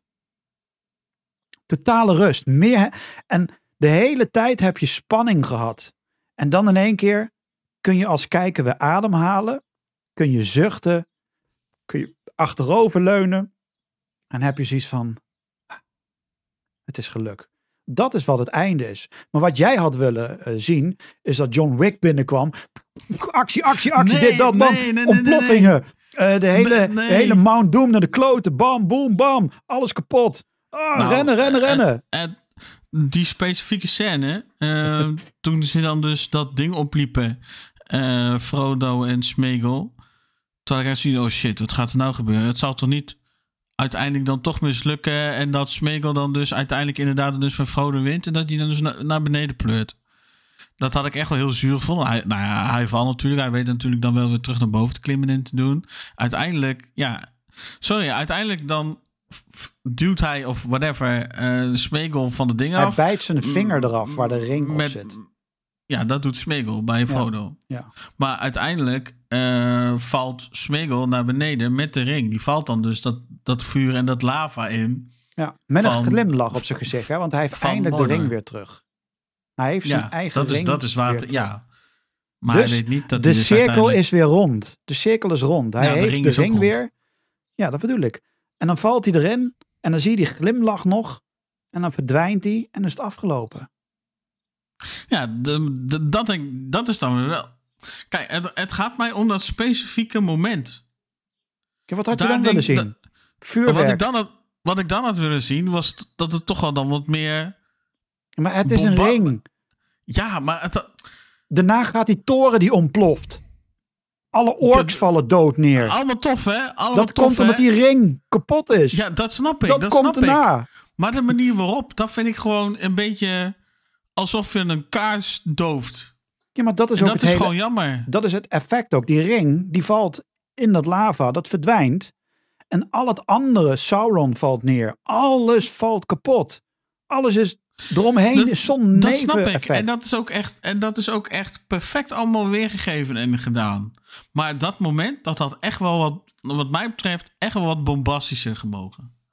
ik bied Dat er, vaak mijn ex... Ik, dat er wat meer gewicht erin, dat er wat meer gewicht erin zit. kijk, dat, ik, ik, dat, is, dat is het moment van de film waar je twee, twee films ervoor mee begonnen bent om te gaan hopen van hoe gaat het eruit zien. En dan vervolgens Shaki valt naar beneden met de ring in zijn hand. kijk Lachend. jongens, mocht je luisteren mo- en hetzelfde voelen als ik, ik neem afstand van zijn woorden. Dit is niet, dit, dit, dit is niet mijn...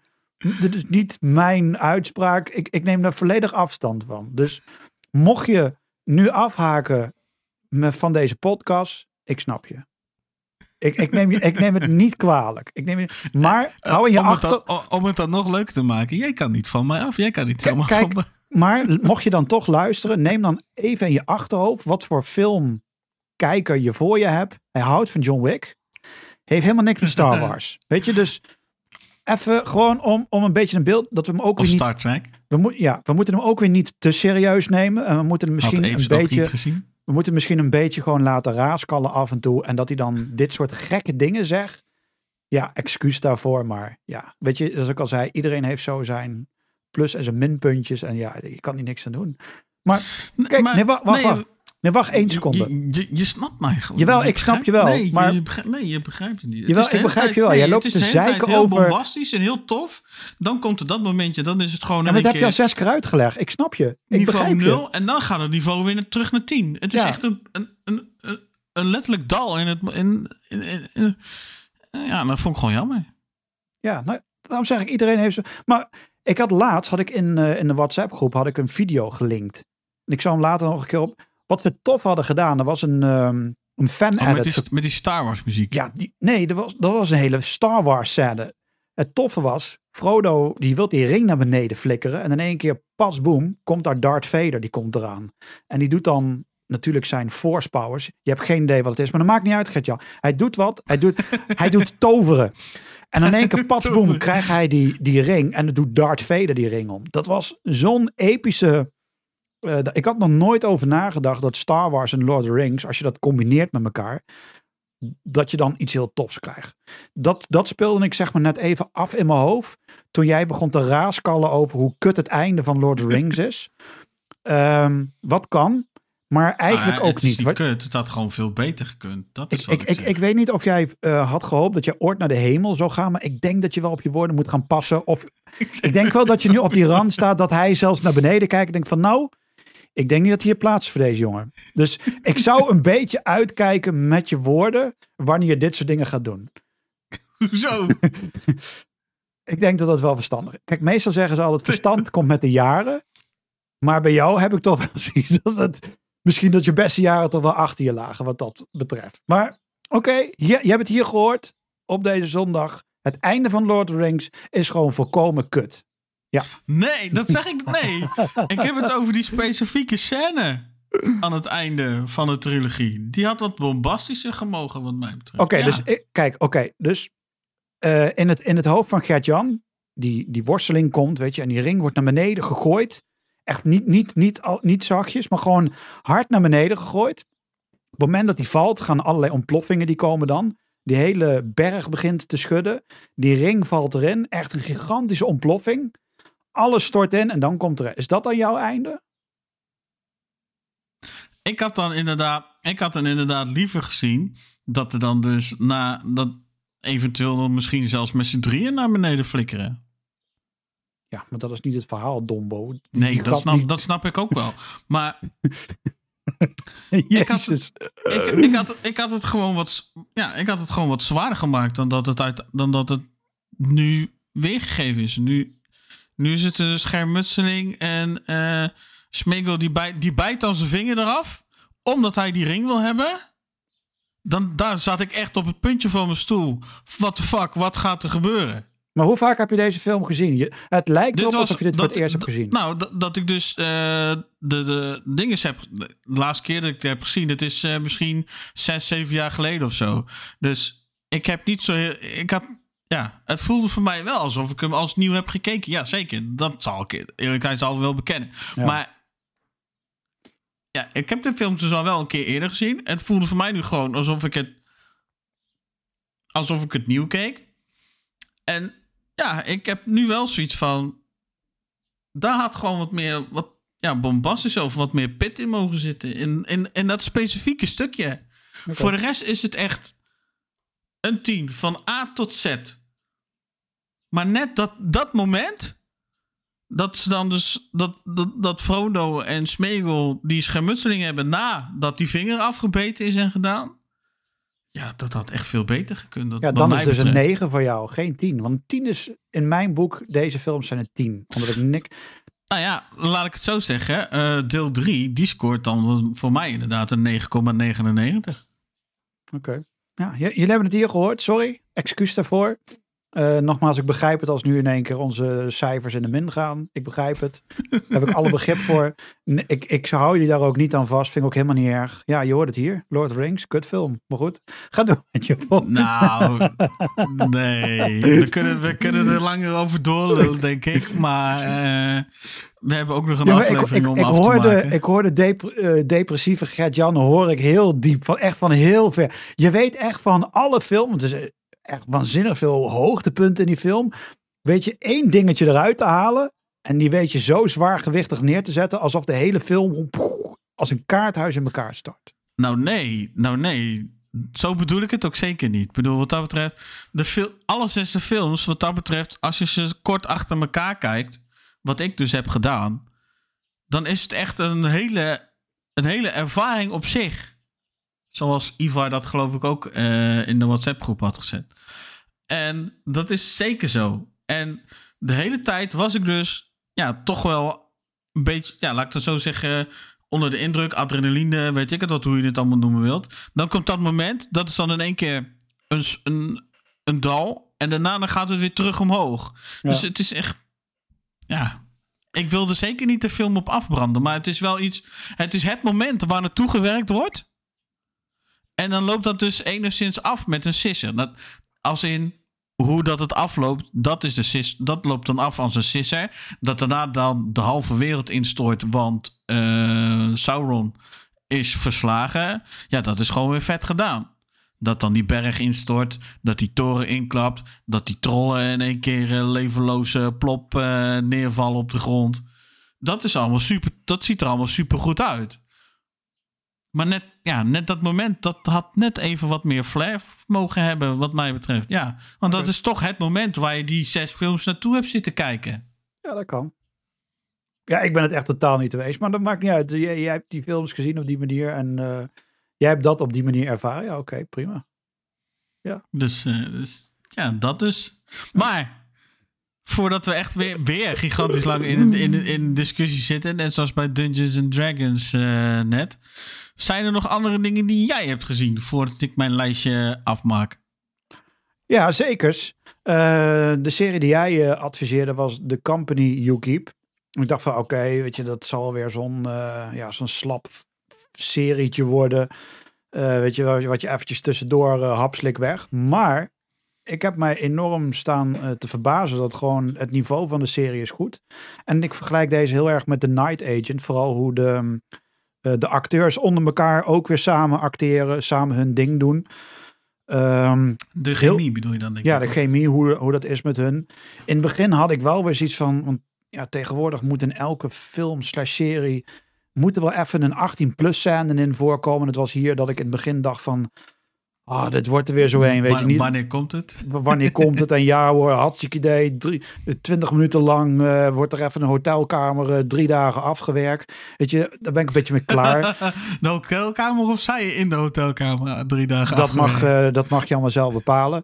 Ehm, dus dat, en dan dacht ik van ja, dat hoeft allemaal niet. Weet je? En gelukkig wordt dat later hersteld en krijgen we dat geneuzel niet meer. Want een serie hoeft het echt niet daarvan te hebben. Eh, dus heeft ook totaal geen toegevoegde waarde gehad voor de verhaal verder. Uh, maar uiteindelijk herstelt zich dat en krijgen we gewoon een hele toffe, leuke doorsnee serie. En dat zeg ik dan een beetje oneerbiedig, maar zo bedoel ik het niet. Uh, want het is natuurlijk hartstikke tof om uh, twee bekende koppen terug, of eigenlijk wel meerdere, maar eentje die me opviel. Uh, degene die Claire Fox speelde, zij speelde Judith Harper in Two and a Half Men. Dat was echt een, dat was echt een beetje die vervelende rot ex de hele tijd. Wat ze niet was, maar ze was een beetje die vervelende character de hele tijd. En hier zien we haar één keer, of twee keer geloof ik, één keer. Maar speelt ze ook niet echt een good person eigenlijk. Dus, maar goed, we zien haar jammer genoeg niet, goed, uh, niet genoeg. Um, dat zien we eigenlijk uh, Barry Sloan. En hem ken ik vooral van de serie uh, Six, S-I-X. Mocht je denken dat ik een andere letter uh, uit zou willen spreken, maar dat is dan een Navy SEAL-achtige serie. Ja, ik zeg Gert-Jan al denken, die jongen die zit... Um, dus, en hij speelt daar, speelt hij een, een commandant van, dat, van die SEAL-team. En uiteindelijk speelt hij ook de digitale versie van Captain Price in de Call of Duty Modern Warfare reboot. En daar speelt hij eigenlijk exact dezelfde character als in de serie. En hij zet gewoon een hele nieuwe, toffe, uh, moderne Captain Price uh, speelt hij, uh, zet hij daarin. Het grappige is in deze serie is een complete tegenovergestelde. Dus een crimineel praat hij zo plat Iers als het maar kan. zijn vader. Ja, dat doen ze best goed trouwens. En dat doen ze heel goed. Het klinkt echt super tof. En die vader, die, um, die kennen we natuurlijk uit Sons of Anarchy, ook een Ier. Um, hier is, komt hij nog een beetje matig uit de verf, omdat het vooral draait om de twee andere perso personen. Mocht je de serie willen zien, ga ik niet verklappen om welke persoon het nu precies gaat, want anders is de clue van de film of de serie weg. Maar het idee dat je gewoon een, een, een groepje hebt wat criminelen zijn, wat eigenlijk gewoon bestaat uit vader, moeder, dochter, zoon. Dat zijn criminelen. Uh, vooral een beetje de, de oplichterskant. Dus het zijn niet criminelen die je kan inhuren om iemand koud te maken. Nee, het is gewoon puur. Er moet een schilderij gejat worden of uh, er moet geld afhandig gemaakt worden. Uh, en dan komen hun en dan bedenken ze een plannetje en dan trekken ze dat op die manier uh, recht, als het ware. En uiteindelijk komen ze in aanmerking of in aanraking met, volgens mij zij van de FBI. Ja, FBI. en we krijgen uiteindelijk met een criminele organisatie en die drie komen in elkaar een beetje tegenover elkaar te staan. Uh, en die moeten op een of andere gekke manier met elkaar gaan samenwerken. Dat weten ze eigenlijk um, heel goed te doen. Waardoor je een hele fijne, prettige serie hebt. Die je gewoon elke dag lekker weg zou kunnen kijken. Want er gebeurt wel veel, maar het is niet zo'n zwaar gewichtige serie. Dat je denkt van poe, poe, poe, wat gebeurt er allemaal. Dus ja, een heerlijke serie wat dat betreft. Ik kan het daar lang en kort over hebben, maar gewoon een heerlijke, fijne serie om uh, naar te kijken. En niet de film The Company You Keep met uh, Robert Redford. Dat is het totaal niet. Het, heeft, het is een serie. Dus als je het zoekt. Ja, NBC, op NBC is die geloof ik. Ja. Precies. Dus kijk daarnaar. En ook uh, Sarah van The Walking Dead speelt er ook aan mee. Of zij was Sarah. Nee, was, zij was Sarah van uh, Prison Break. Zij speelt er ook aan mee. En natuurlijk uh, Save the World, Save the Cheerleader gast. Die, die speelt er ook aan mee. van Heroes. Hij was volgens mij een van een, het broertje geloof ik. Heden, Heden zit er niet in. Ja, als het goed is, uh, is dat. Uh, nee, niet zij, maar uit die serie. Als ik die, als ik die quote noem, dan weet iedereen dat ik het over die serie heb.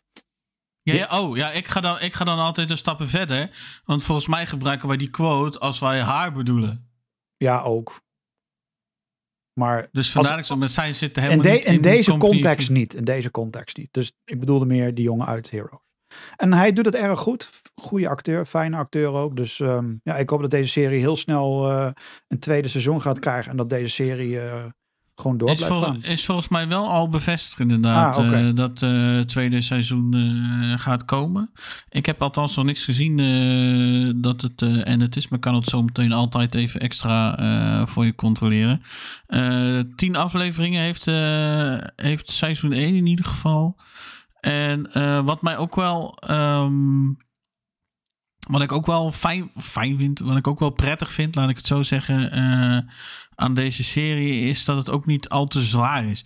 Je hoeft, ja, ook, niet al, je hoeft ook niet al te veel mee, je hoeft ook niet al te veel mee te denken van, hè, wanneer gebeurt wat. Het is, het wordt ook weer niet letterlijk volgekoud, maar uh, ja, dan is het wel van, nou, we moeten bepaalde dingen doen om eh, mensen eh, over te halen, te persuaden.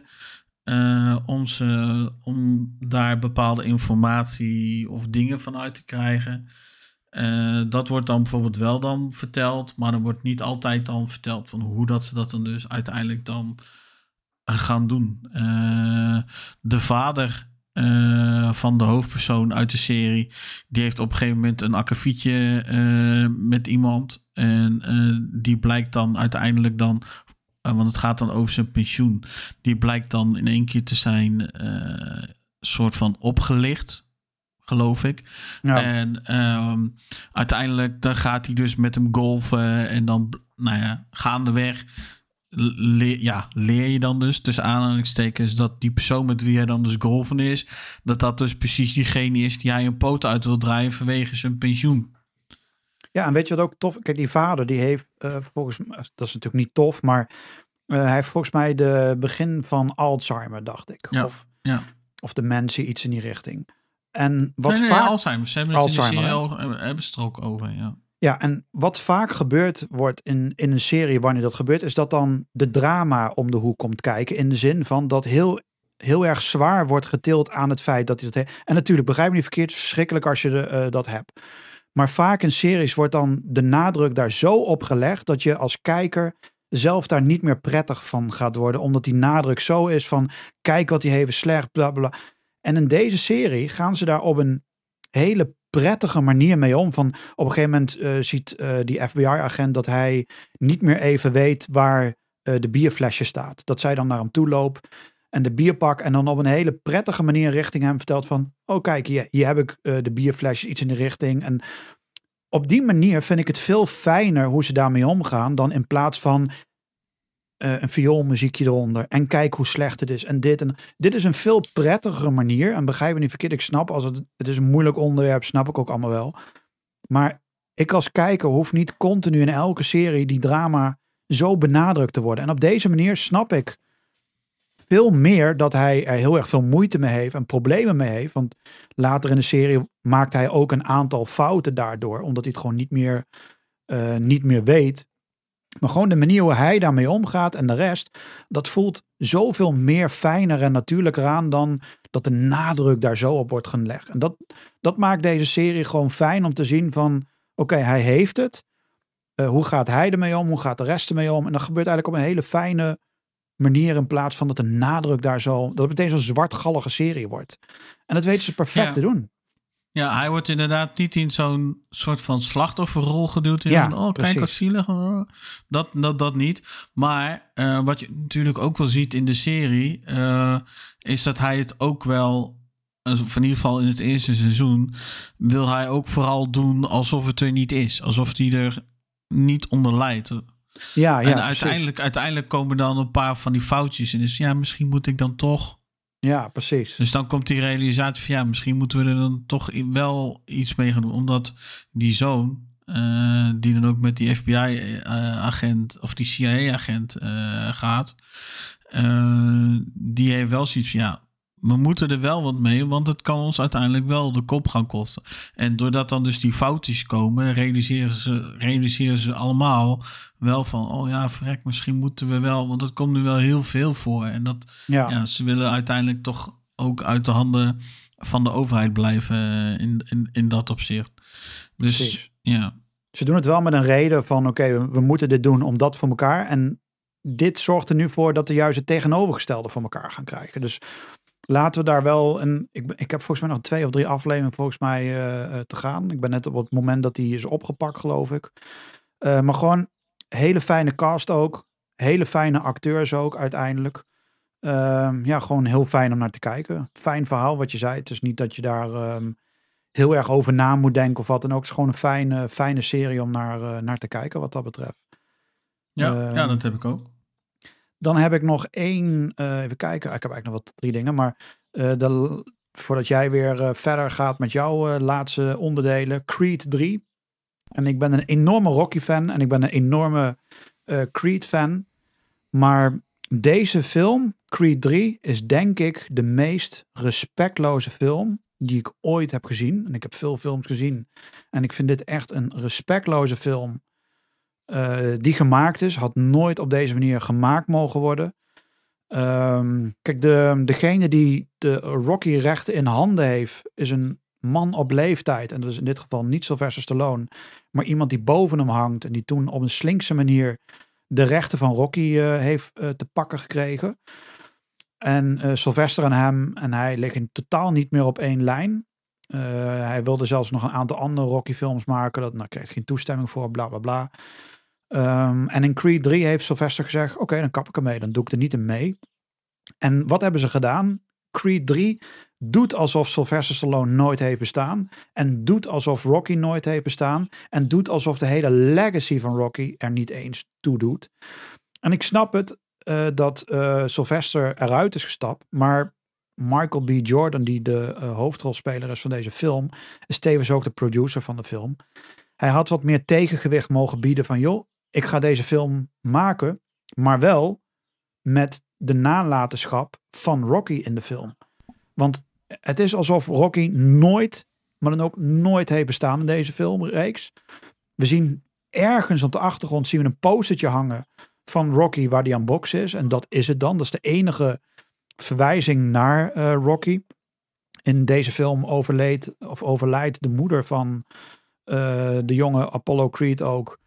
En eh, de zoon dan althans. Ehm, en dan zou je eigenlijk verwachten, had op zijn minst de moeite genomen dat Sylvester hier toch een opwachting maakt. Want Rocky zou 100% bij de crematie of begrafenis van die moeder aanwezig zijn. Is niet gebeurd.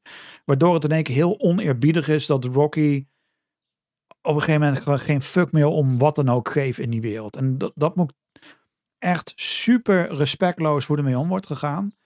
Het verhaal is wel heel erg Rocky-achtig. Eh, we krijgen veel meer achtergrond van eh, de jonge eh, Apollo. Super tof gedaan allemaal. Verhaal technisch super goed. Echt hele toffe dingen. Wel zie je, en dat hadden de vorige films niet. Dit was echt een greenscreen film. Dus je, de box, op een gegeven moment komen ze in een vette arena. Toen dacht ik van, nou oké, tof. Ze hebben een hele grote arena eh, afgehuurd. Totdat ze gaan inzoomen en dan zie je gewoon dat ze letterlijk met z'n allen voor een groen scherm staan. En dat eigenlijk het publiek er gewoon omheen geplakt is en hun er maar in geplakt zijn. Eh, dus je zit eigenlijk naar een greenscreen film de hele te kijken. Terwijl de oude Rocky films, eh, daar, werden, eh, daar werd een Las Vegas ding afgehuurd en weet ik het allemaal. En daar waren gewoon honderden mensen aanwezig in plaats van knip- en plakwerk. Dus dat was allemaal iets te. Eh, het eindgevecht, dat sloeg echt helemaal nergens op. Die, die twee sloegen elkaar helemaal de pleuris in. En aan het eind van de rit hadden beide heren helemaal niks eraan overgehouden. Die liepen eigenlijk, zoals jij en ik, gewoon helemaal gezond de ring uit, als het ware. Eh, dus het eindgevecht sloeg helemaal nergens op. Wel zijn de geruchten dat eh, Creed 4, dat Sylvester Stallone daar wel weer terug zou gaan komen. Want er zou, een, er zou ook een spin-off komen, maar die spin-off is gecanceld van die film, van deze serie, omdat de hoofdrolspeler zei, ja, maar als Sylvester er niet bij betrokken is, dan reken je niet, hoef je niet op mij te rekenen, want zonder, zonder ook maar enig aandeel van Sylvester is het geen Rocky-achtig eh, waardige film. Eh, dus ja, jammer dat ze dat op die manier hebben gedaan. En ik snap niet dat eh, Michael B. Jordan toch akkoord heeft gegeven om deze film op deze manier te maken. Want hij heeft best wel wat gewicht in deze serie gekregen. Eh, en dat hij dit heeft geaccepteerd. Zoals ik al zei, ik vind het de meest respectloze film binnen de Rocky eh, Universe eh, dat ze het hebben gedaan. Dus wat mij betreft hadden ze deze film niet mogen maken op deze manier. En ik snap niet dat hij er groen licht is voor gegeven. Heb Jammer. ik toch... Ja, nee, zeg maar. Oh, nou, ik wilde eigenlijk even vragen of het dan een beetje een film is. Wat dan dus eigenlijk ehm, een eh, les is in hoe je franchise vernachelen 101. Ja, 100%. En kijk, kijk, dat je een franchise vernachelt, daar heb ik nog wel respect voor. Maar dat je doet alsof de legacy er niet toe doet, dat is een ander. Kijk, kijk, als jij een film gewoon verkloot omdat het niet lukt, weet ik veel dat kan. Niet alle Rocky films hadden het niveau van Rocky-waardige films. Maar deze film is voortgekomen uit de legacy van Rocky, wat echt al jaren draait. En dat je dan doet alsof die film films niet hebben bestaan. En als jij doet alsof de characters in de voorgaande films er niet toe doen. Want in Creed 1 en in 2 had Rocky, Sylvester Stallone dus, een hele belangrijke rol. Hij was de trainer van deze beste jongen. En deze jongen is de zoon van degene waar Rocky tegen heeft gevochten en die gestorven is in de ring. Dus het is een hele belangrijke rol. En nu doe je, want hij werd niet eens genoemd. Het was ook, stel dat hij op zijn minst had genoemd, oké, dan prima. Maar hij werd, Rocky werd niet eens genoemd. Het was gewoon, hij heeft nooit bestaan. En we doen alsof Creed 3 een epische nieuwe boxfilm is. Maar je rust wel, verdomme, op de legacy van Rocky en van Creed 1 en 2. En uh, de Michael B. Jordan zei een tijdje geleden: Ja, wij hebben bewust uh, Sylvester eruit gelaten omdat wij zelf een eigen weg wilden gaan. Gast, ga je fucking schamen. Ga je schamen. Had op zijn minst Sylvester erbij betrokken en had hem op zijn minst in de film een exit gegeven. Want is hij dood? Leeft hij nog? Wat is hij aan het doen? Waarom was hij niet bij de begrafenis? Dit, dat, zo, zo. Ik snap wel waarom, omdat er ruzie is, maar in de film wordt het niet uitgelegd. Dus dit is echt respectloos hoe hiermee uh, is omgegaan. En ik hoop dat uh, Sylvester het voor elkaar krijgt om toch in Creed 4 te komen. En dat hij gewoon weer de film weet te redden. Want deze film, met alle respect, trekt het gewoon niet zonder Sylvester. Zo simpel is het. En trouwens, de, de tekenspeler van die uh, bokser is um, dezelfde acteur in Marvel die nu de AliExpress versie is van, van Thanos. Kang, hij, die character, oh. die, die acteur, die speelt eigenlijk de tekenpol van, van Creed. Doet hij heel erg goed. Hij zet echt een hele goede rol. Maar deze film valt volledig omdat Sylvester Stallone niet erin zit. Dus dat. Oké, okay, nou, dat is jammer. Ja. Um, wat ik dan, want ik heb zelf de Creed-films uh, niet gezien. Ik heb wel een aantal uh, Rocky dan gezien, natuurlijk. Uh, maar zit er wel een soort van rode draad dan in het verhaal, in het verhaal tussen de, onder de drie films? ja, of want is, dat, ze of is ja, dat ze... ook niet? Of is dat een beetje nu juist verbroken in deze film? Nee, wat ze eigenlijk doen is dat uiteindelijk uh, Rocky is dan gestopt met boksen. Daar is hij klaar mee. En uiteindelijk komt dan de zoon van Apollo Creed. Die komt uiteindelijk in aanraking met Rocky. En dan zegt uh, Rocky, oké, weet je wat we gaan doen? Ik ga jou trainen. Ik heb, want het apart is natuurlijk dat Rocky weer getraind is door de vader van deze jongen. En dat nu Rocky dan uiteindelijk zijn zoon gaat trainen. en dan leert hij uiteindelijk iets meer over zijn vader en dit en dat. Dus op die manier worden die films aan elkaar gelinkt. En dan leert deze jongen eigenlijk een beetje de, de bokstijl van zijn vader. Want dat, ja, Rocky is getraind door zijn vader. En uiteindelijk wordt deze jongen dan getraind weer door Rocky. Dus hij krijgt een beetje de vechtstijl van zijn pa en van Rocky door elkaar heen. En op die manier helpt Rocky hem dan verder. Het is wel dat Sylvester heel erg op de achtergrond staat in de filmserie. Uh, maar hij is wel aanwezig. Hij is wel zijn mentor. Zonder hem zou Creed nooit gekomen zijn waar hij nu is gekomen. En uiteindelijk krijg je ja, ook. precies. En uiteindelijk krijg je een beetje de, de vader- en zoonrol wordt een beetje gedaan. Waarbij. Ja, uh, precies. Dus je krijgt echt een beetje een vader- en zoonrol in de film. Waarbij Creed het dan wel overneemt. Want de film heet natuurlijk niet voor niets Creed. Maar het is wel, dat, dat, het is wel dat Rocky uiteindelijk. Uh, wel de meest belangrijke factor in de. Hij is die rode draad. En die is nu in één keer doorgeknipt. En het is ook alsof die rode draad er nooit is geweest. Ja, precies. Dat is dan wel een beetje frappant dan inderdaad. Er wordt zelfs een, box, uh, een boxgevecht opnieuw gespeeld. Waarbij Sylvester eruit gefilterd is. Alsof hij daar niet bij heeft gestaan. Terwijl hij bij dat gevecht aanwezig was. En dat was heel raar. Want hij was bij dat gevecht aanwezig. Maar ze hebben hem gewoon dat gevecht opnieuw gedaan. En hij is daar uitgehaald. En dan denk ik van ja. Dan denk ik van dat vind ik heel raar en heel dat vind ik echt respectloos. Dus dat vind ik jammer. En zonde, en ja, ik weet het. Uh, Rocky en Creed zijn geen verhaal technische films. Maar het heeft wel voor mij echt een stuk nostalgie. Uh, en ik vind het toch echt wel hele toffe, mooie films wat dat betreft. En dat je dan zo spuugt op wat het heeft gemaakt. Ja, vind ik niet kunnen. Dus dat, ja, dat vind ik gewoon jammer. Ja, kan ik me dan wel voorstellen. Om het dan enigszins vrolijker te maken. Uh, we zitten al trouwens op anderhalf ja, uur. Ja, we moeten nog een paar kleine puntjes. En, en, en, we moeten nog een paar dingen. Dus ik zal uh, even gauw dan nog uh, het lijstje van mij in ieder geval afmaken. Want ik heb nog maar twee, uh, twee items erop. En daarna jij nog twee. Dus als we dat dan een beetje kort kunnen we houden dat kort dan, inderdaad. Want ik wil nog wel even wat... Wel, wat uitrekken Ja, die, die, die gespreksonderwerpen, daar ja, eh, precies. Moeten we inderdaad ook even wat aandacht eh, aan geven. En we, eh, wat ik zei, ik heb, we, hebben, we hebben denk ik gewoon te veel gezien eigenlijk nu om dat eh, in een, een redelijk korte aflevering te houden. En we zitten eigenlijk al boven Ga door, ga door, ga door, ga door. Maar goed, ik heb Super Mario Brothers movie gezien. Ehm, Komen we dadelijk ook nog op terug, dus je kan hem ook voor dadelijk bewaren. die, nou, oké. ehm, maar ik vond hem in ieder geval wel verrassend.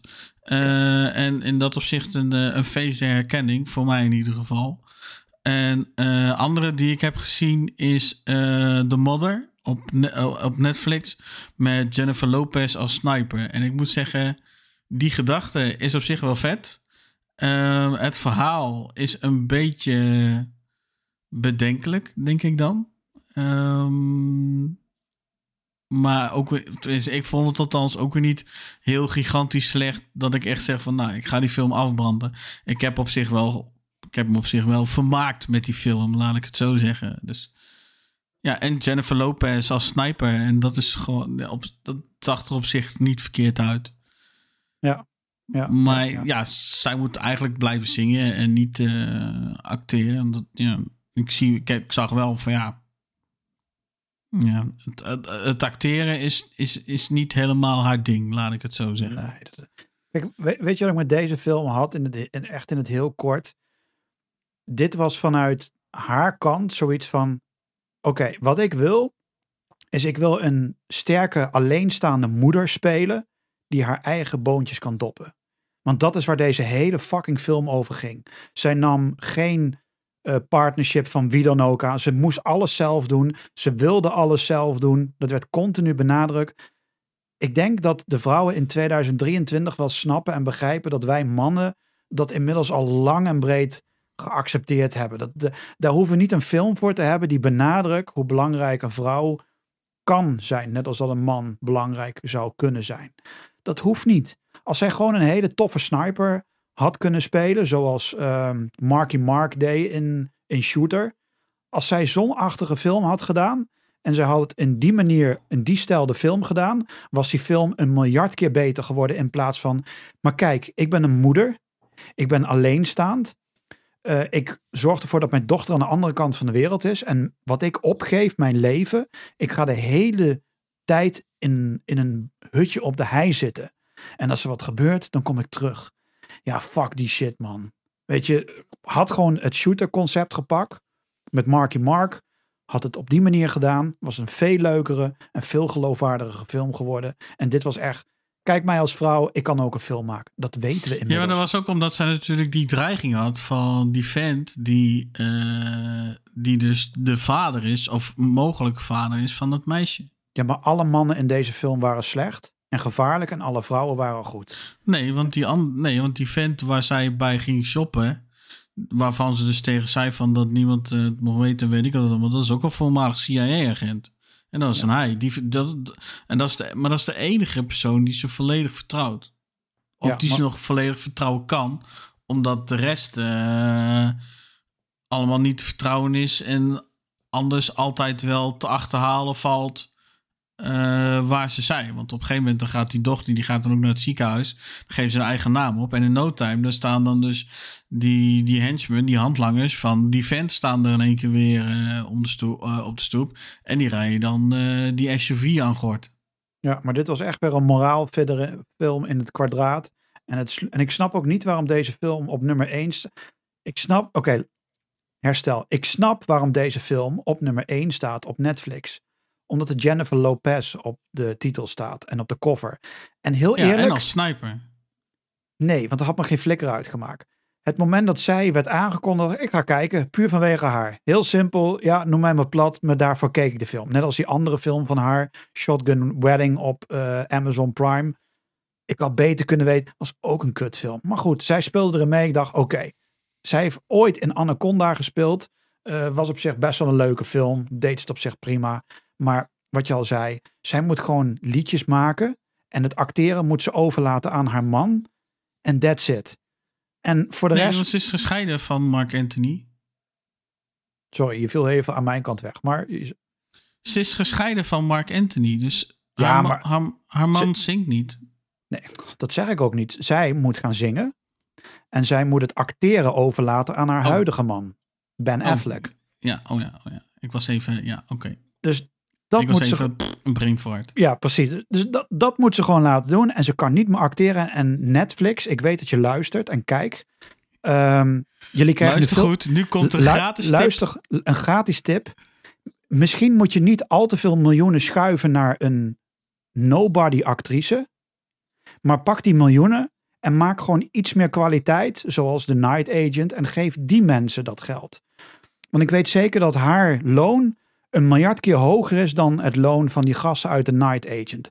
Geef dat geld liever aan dat soort series dan in plaats van eh, een zangeres die het heel erg goed doet als zanger, eh, maar niet als actrice. Weet je, kap met die bullshit, laat het lekker varen. En voor de rest hebben we veel te veel, heb ik in ieder geval veel te veel adem besteed aan deze ontiegelijke kutfilm. Dus. Nou, dan zou ik zeggen, eh wou jij die twee punten van jouw Ja, lijst nog ik- doen? ik- of ik zeg kan- je- Ik kan meteen kutfilm linken aan puntje 8. Ik heb nog een andere kutfilm gezien. En dan kan ik heel kort en heel... En sorry, Gert-Jan, maar wa- wat jij nu net bij Lord of the Rings deed. Namelijk mij pakken. Net als die gast van Mortal Kombat. Mijn ziel eruit halen. Op de grond leggen en erop te trappen. Dat is wat ik... Precies. Dat is wat ik nu ga doen. Niet bewust. Maar ik heb naar John Wick chapter 4 zitten kijken. Ja. En ik dacht na, ik denk 15 minuten. Stop alsjeblieft met deze kutfilm. Oh echt, ja? Heb je na een kwartier afgezet? Ik werd, nou ik heb hem na anderhalf uur afgezet, ben gaan slapen. En ik heb hem daarna, eh, toen ik lang naar de toilet moest, heb ik hem daar afgekeken. Nee, zonder gein. ik, heb hem, ik heb hem daarna tijdens het eten afgekeken. Kijk, deel 1 was qua actiescènes prima. Deel 2 moesten de actiescènes in één keer langer. Bij deel 3 moest dat niet nog langer, maar nog langer. En alles en nog wat. Deel 4 was het. Laten we een actiescène maken van drie kwartier.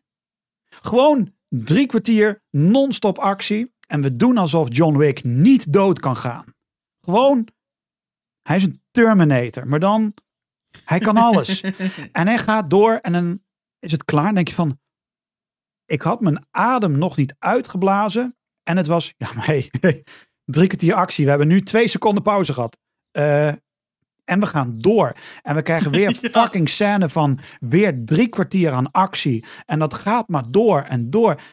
En aan het einde van de En dat film. is dan om 220 traptreden op te lopen, hè? En, dan, dan- moeten ze nog opnieuw doen ook. En dan was hij boven. Dan ging hij naar beneden. En toen drukte ik op die knop. Stop. Klaar. En toen ben ik gaan slapen. Ben ik de volgende dag weer teruggegaan. En toen drukte ik op play. En toen flikkerde hij dus naar beneden. En dan ging hij dat hele stuk weer opnieuw doen. En toen dacht ik. Fuck deze shit. En alles daarvoor. En daarna. En daartussen. Wat een bak met stront heb ik over me heen gekregen tijdens het kijken van deze film.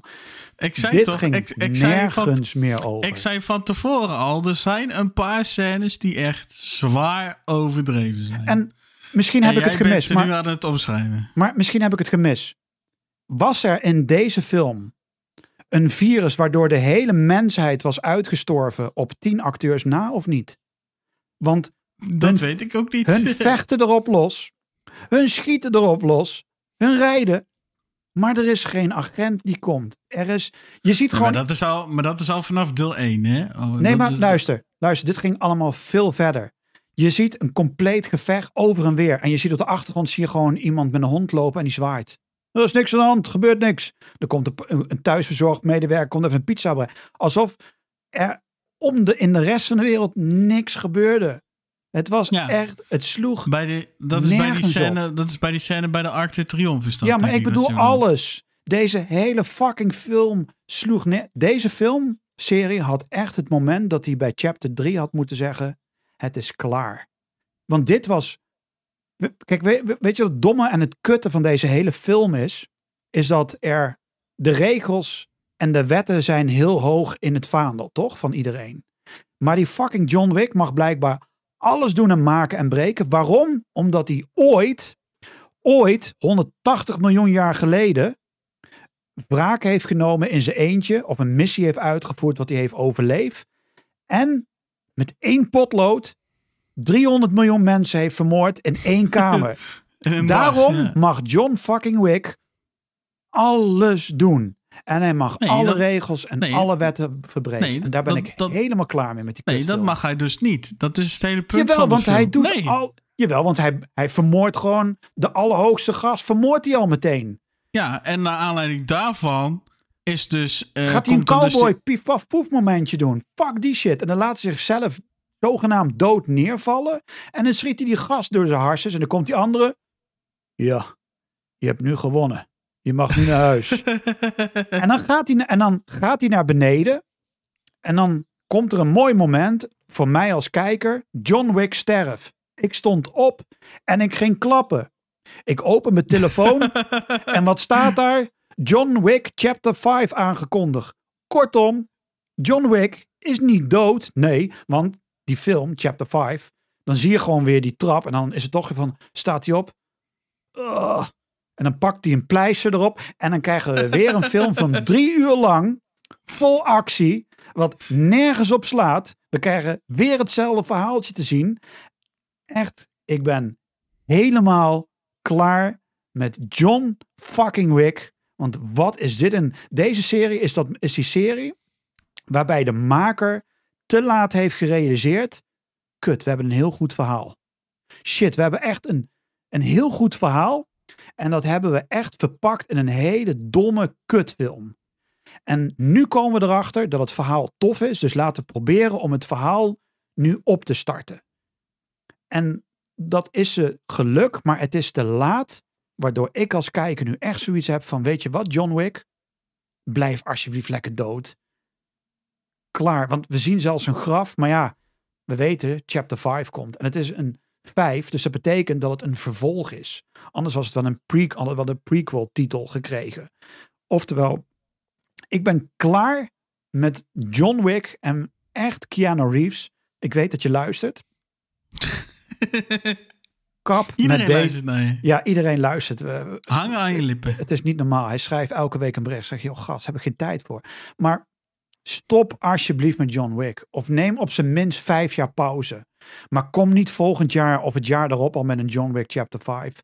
Want wat een kutserie is dit geworden. Sorry dat ik het zo zeg, maar dit, dit, dit, dit heeft zichzelf zelf gra- Dit was eigenlijk Keanu Reeves, die in het begin van de film, een, eh, net als jij met Lord of the Rings net deed, een, een schop pakte en al begon met zijn eigen graf te graven. Alleen jullie hadden het allebei niet door dat je je eigen graf aan het graven was. En dat is wat Keanu Reeves heeft gedaan met Chapter 4. Dat was mijn eh, Chapter 4. Eh, een ander leuk dingetje, en dan gaan we over naar de gespreksonderwerpen. Eh, Avatar The Way of the Water en de eerste Avatar, die moeten op 20 juni op een Blu-ray discje komen. Dus wanneer dat uitkomt, dan zal ik hem kijken. Dan eh, geef ik al een kort eh, reactie. Dus mocht je zoiets hebben van, hey, ik ben ook een disc eh, koper. Dan weet je dat 20 juni dat de films op een disc komen. Markeer het even in je agenda. 20 juni. Ja, ik heb ze al lang gekocht. Eh, of tenminste, ik heb The Way of the Water heb ik al lang eh gepreorderd en betaald. En Avatar 1, die is nog nergens in Nederland te koop. Dus ik hoop dat die vrij snel eh, komt. Mocht die komen, dan houden ze Twitter in de gaten. Want is- ik doe niet veel met Twitter, maar dat deel ik dan weer wel. Ehm, dus ja, dat. We zijn klaar met de wat hebben we gekeken. Nu kunnen we over naar de gespreksonderwerpen. Two hours later, letterlijk. Ja, En, bijna, hè? eh, We hebben veel gekeken toch wel. Niet normaal, man. Ja, en dan hebben we nog een aantal dingen om te bespreken van films die ik in ieder geval gekeken heb. Twee in ieder geval. En eh, de rest van de dingen, dat is, zijn allemaal dingetjes van jou. Ja. Dus ik zou zeggen, eh, steek maar weer van wal dan. Ja, oké. Nou, komt-ie. Succession. Ik weet, eh Gert-Jan, jij hebt hem jammer genoeg niet gezien. Eh, maar nu was de laatste aflevering van het laatste seizoen en tevens ook eh, de laatste aflevering van de hele serie. Eh, wat echt oprecht jammer is dat ze toch hebben gestopt. Want de CEO van HBO had al gezegd: ik had op zijn minst nog wel twee, twee seizoenen erbij getekend. Was misschien ook wel ehm, eh, beter geweest. Tenminste voor ons als fans van joh, alsjeblieft meer. En zelfs de acteurs hadden aangegeven van joh, we vinden het eigenlijk te vroeg. Uh, maar dit is, dit is een Sopranos uh, einde. Sopranos einde, dat is natuurlijk ook. Sopranos is natuurlijk ook van, van HBO. en HBO flikt het met Succession eigenlijk weer. Sopranos einde was echt compleet open. En tot de dag van vandaag hebben we het er eerder over gehad. Hebben ze het erover. Um, daar ging het eigenlijk ook weer een compleet andere kant op. Wat we eigenlijk als kijker hadden verwacht. En bij Succession wordt eigenlijk hetzelfde geleverd. De laatste aflevering duurde anderhalf uur. Dus was echt langer dan dat we normaal uh, hadden. Maar de hele aflevering wist je niet waar het naartoe ging. En op een gegeven moment hadden de kinderen hadden het, uh, uh, die hadden het goed gemaakt met elkaar. Uh, en die, die waren het erover eens dat uiteindelijk de tweede zoon, dat hij uiteindelijk, um, ja, dat hij het bedrijf zou gaan leiden. Dat hij de CEO gaan, zou gaan worden van dat multimiljoen, weet ik veel wat voor bedrijf. Vergelijk uh, het bedrijf uit Succession maar met Disney qua omvang, uh, wereldwijd bedrijf, noem het dan maar op. En dat ging tot op de laatste paar minuten ging dat goed. Totdat uh, de stemming kwam in het bestuur. En toen was het uiteindelijk dat de dochter van Logan, die moest haar stem. En als haar stem zou bepalend worden over de toekomst van zowel het bedrijf als van iedereen. Uh, en iedereen had verwacht dat zij zou gaan stemmen in uh, uiteindelijk het favoriet van, uh, van Kendall. Dat hij dan uiteindelijk de nieuwe CEO zou worden en dat hij het bedrijf zou leiden. En zij stemde verrassend tegen. Dus zij stemde ervoor dat het bedrijf werd overgenomen door de Zweden. En dat het bedrijf volledig overgenomen zou worden door een compleet ander. Dus dat het geen familiebedrijf zou gaan worden. en, maar die, Zodat ik het even onderbreek. Ja? Die stiefmoeder van die kinderen. Die heeft toch een dubbele stem? Ja, maar die had uiteindelijk geen, uh, geen zeggenschap, gelukkig. Het was echt een. Uh, uh, het, het, was het bestuur die uiteindelijk het voor het zeggen had. En zelfs de um, broer van Logan, die stemde zelfs voor om Kendall als CEO te benoemen. en de dochter zou eigenlijk ook, Shift, die zou uiteindelijk ook stemmen. Maar uiteindelijk koos zij er toch voor om het niet te doen. Waardoor er zelfs nog een, ja, een beetje een gevecht ontstond tussen de twee zoons. Tussen de twee broers. En uh, dat werd zo'n shitstorm dat zij uiteindelijk nee stemde. En het einde, de laatste paar minuten, dan zoomden ze dan uiteindelijk op uh, zoon nummer 1. Nou, die zat met een glimlach, want die had er helemaal geen zin in om ook maar iets te doen. Want je moet je voorstellen, hun wilden het bedrijf niet hebben om nog meer geld te krijgen, want hun zijn al miljardair. Hun wilden gewoon het bedrijf hebben omdat het van zijn hun vader is en het is een familiebedrijf en dat wil je niet kwijt. Dus het was puur een prestige ding dan dat het puur ging om het geld, want dat interesseerde ze niet. Dus hij had zoiets van, oké, ik haal adem. Uh, wie uiteindelijk dan de CEO ging worden, dat laat ik in het midden. Maar, want mocht je ooit toch de serie willen zien, is dat toch wel een, uh, ja, een leuke twist. Terwijl we het al lang hadden kunnen weten. Want in seizoen 1, aflevering 3 of aflevering 2 werd er eigenlijk al gehint naar wie de nieuwe CEO zou gaan worden. Want dat is allemaal met terugwerkende kracht. Uh, is het eigenlijk allemaal al met Easter eggs verwerkt. In aflevering 1 al? Ja, van het eerste seizoen. Zonder dat we het door hadden, wisten we, hadden we kunnen weten, wat ver gezocht is natuurlijk, maar we hadden het kunnen weten wie de nieuwe CEO zou gaan worden. Um, maar gewoon de hele mindfuck tussen die gasten. Uh, zoals ik al zei, die vorige aflevering, uh, er was één scène die 20 minuten duurde. Daar hebben ze zeven volle werkdagen over gedaan. Dus dat is zeven keer 14, 15 uur opnames. Hebben ze erover gedaan om die 20 minuten te krijgen. Uh, en deze aflevering zat magnifiek in elkaar. En tot op de laatste seconde wist je niet hoe het in elkaar zat. En het toffe is, en daar zal ik mee afsluiten, is dat de serie begon met Kendall, waar het eigenlijk allemaal een beetje om draait. Dat wanneer zijn karakter werd geïntroduceerd, ging de zon kwam op en dan zag je hem van de achterkant en zag je de zon opgaan. En uh, zijn slotstuk was dat de camera achter hem ging en dat de zon juist onderging. En toen pende de camera uit en toen zag je hem eigenlijk zitten. En toen was het, um, ja, hij keek eigenlijk gewoon recht vooruit. En toen ging het beeld op zwart. En toen was dat het einde van uh, Succession, wat dan, ik geloof, een seizoentje of vijf heeft gehad, of vier nu. Uh, en, of vijf. Dus vijf seizoenen. En uh, ja, ze daarmee afgelopen. En het was tering spannend aan het einde. En het was magnifiek. En het is echt een van de mooiste, tofste series die ik echt ooit heb gezien. Dit was zo ongelooflijk magnifiek in acteerwerk. Ehm was gewoon idioot hoe hierin wordt geacteerd. Dit is, dit is echt niet normaal. Eh, hun weten het, het, het, het uiterste. Weten deze acteurs uit zichzelf te krijgen. En eh, de maker, ben, ben even Jeremy Storm, geloof ik, zoiets. Ehm, Strong, Jeremy Strong. De maker, bedenker. Die heeft echt het uiterste eruit gehaald. En die heeft ballen getoond door te zeggen: We maken een einde aan deze serie. We stoppen op het succes. Iets wat we vaak eh, zeggen: van ja, het is wanneer stop je nu met een serie of een film? Eh, en dan kom je vaak achter, nadat het eigenlijk al is gebeurd, kom je erachter dat je beter had kunnen stoppen. En eh, Jeremy Strong heeft gezegd: Weet je wat? We gaan er een einde aan maken en we doen het op deze manier. Eh, en dat hebben ze volledig eh, goed ingeschat. Want deze serie gaat te boeken als een klassieker. En het enige wat ik hoop is dat ze over vijf jaar een vervolg gaan maken. En dat het dan vijf jaar later is. En dat er dan verder gaan eigenlijk met de kinderen. Van hoe hun dan verder gaan. En dat daar dan misschien drie seizoenen van zouden kunnen komen. Lijkt me gewoon heel erg tof om te zien hoe het dan nu verder gaat. Maar niet nu.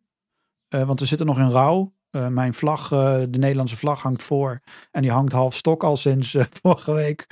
Maar het is gewoon klasse en subliem dat hun ehm, ja, dat niveau hebben weten te bereiken. Dus ja, het is jammer dat jij niet serie hebt gezien. Anders konden daar verder en dieper op in kunnen gaan. Maar het is echt een meestelijke serie. En ik hoop dat jij hem ooit gaat kijken. Dan kunnen we er nog een keer over gaan. Nee, hebben. ik heb dus laatst volgens mij aflevering 1 gekeken. Oh, Oké. Ja, ik ga hem Ja, zeker. Hoe, ik ga hem hoe weet nog- ik anders, hoe weet ik anders dat die stiefmoeder een dubbele stem heeft? Ja, maar dat is nog niet zo heel erg vroeg dat dat al eh, naar voren komt op die manier. Dus dat gebeurt later pas dat zij eh, nadrukkelijk eh, daarin voorkomt. Maar eh, ja, binnenkort ga ik de serie nog een keer opnieuw kijken. Vooral omdat het, omdat het einde heeft veel knipogen naar eerdere eh, afleveringen. Eh, je hebt één scène dat ehm, vader en dochter in de auto zitten. En dat legt Logan, de vader legt dan de hand neer en zij legt haar hand dan erop. Eh, en het eindigt dan ook weer met een andere character die dan de hand bij haar weer neerlegt. Er zitten heel veel verwijzingen naar eerdere seizoenen, eerdere afleveringen. Dus ehm, ja, ik ga hem opnieuw kijken. Misschien tegen de tijd dat jij zegt van nou, ik ga hem nu ook helemaal kijken. Dat ik hem dan even voor de verandering opnieuw kijk. Eh, maar al met al, fantastische serie. Super tof gedaan. En ehm, jammer dat het gestopt is. Maar ik snap waarom. Eh, want ja, anders dan had je niet het niveau eh, vast kunnen blijven houden. Dus ja, wat dat betreft, Succession een einde. En ik kan nog uren over lullen. Gaan we niet doen, want we gaan verder met een film wat vol met blokjes zit. Iets. Want we wilden het daar blijkbaar nog een keer over hebben, gok ik.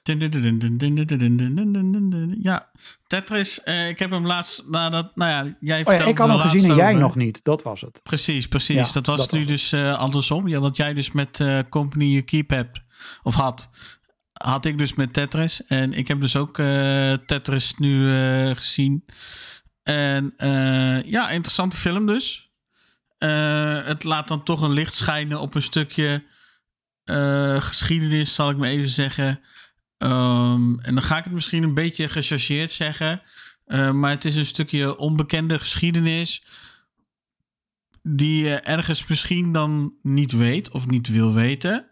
Maar als je eh, dit soort content dan ziet of hebt gezien, ja, toch wel een beetje dan een soort van het gevoel hebt dat je er wat meer van weet. Want natuurlijk, het, het is en blijft film. Dus er zit. Eh, dus er zit ook wel een stukje natuurlijk bij dat dingen wat extra overdreven zijn. Of er zit net wat meer drama in Ja, om het allemaal ja. net dan wat, wat beter eh, te maken en te doen. Maar eh, uiteindelijk ja, krijg je dan toch wel inzicht in hoe dat dan dus Tetris zo, de, in dit geval dus Tetris, de wereld heeft kunnen veroveren. Een andere film waarbij je dat ook hebt, of tenminste waarbij ik dat ook heb, is eh, bijvoorbeeld The Post met eh, Hanks en eh, Meryl Streep, uit mijn hoofd. En dat is ook zoiets van ja. Over de persvrijheid naar aanleiding van de Vietnamoorlog uit mijn hoofd. En ja, ook zoiets. Dat zijn dingen. Voor ons nu is het vanzelfsprekend. Toen was dat dus blijkbaar niet zo. En ehm, als je dan ziet hoe dat men daar uiteindelijk dan wel gekomen is, is dan toch ook wel interessant. Bij Blackbird ha- had ik eigenlijk hetzelfde. Achteraf, gezien, achteraf gezegd, heb ik daar eigenlijk ook wel hetzelfde bij. Ehm, En hij acteerde ook goed, hè? Ik vind die jongen, ben even zijn naam eh, kwijt, die dan ook eh, in die... in eh, Blackbird? ja, die hoofdrolspeler. Ja, T- Taron, Taron Egerton of zo? ja, Iets want hij speelt ook in deze film. En hij, speelt echt, hij is echt een goede acteur geworden. Hij begint steeds meerdere... Ik vind ook toch dat hij niet continu eh, hetzelfde... Kijk mij, eh, ik ben een gespierde gast eh, weet te spelen. Want hij weet echt nu wel toffe rollen neer te zetten. Vooral met Mhm. deze film laat hij echt zien dat hij echt... Hij kon natuurlijk bij Blackbird al goed acteren. Maar hier laat hij echt even een andere kant van zichzelf laten zien. En dat was best wel tof. Want hij draagt die film echt wel.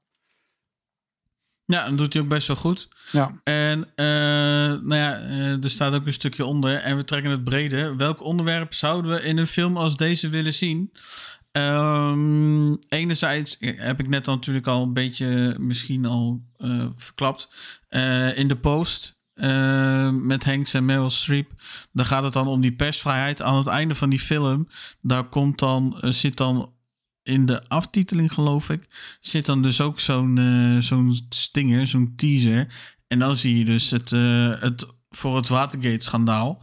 Dus ik hoop eh, dat dat bijvoorbeeld, dat dat ook nog op zo'n manier verfilmd gaat worden. Ik denk dat dat zeker wel interessant is.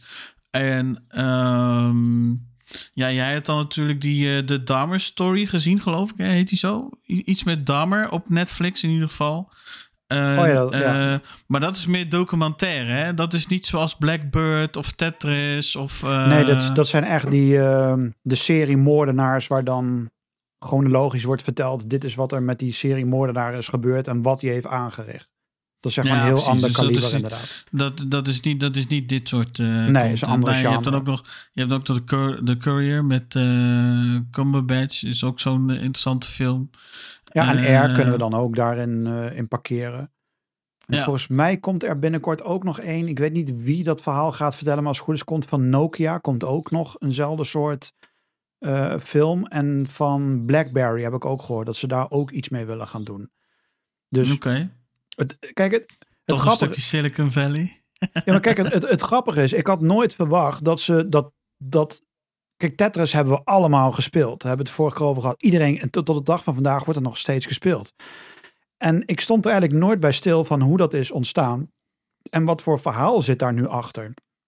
En ik had misschien wel tien verschillende verhalen kunnen vertellen over hoe het ontstaan van Tetris zou zijn. Maar niet dit verhaal. Dit was zo absurd dat je dacht van, hoe zit het in elkaar en hoe werkt dit?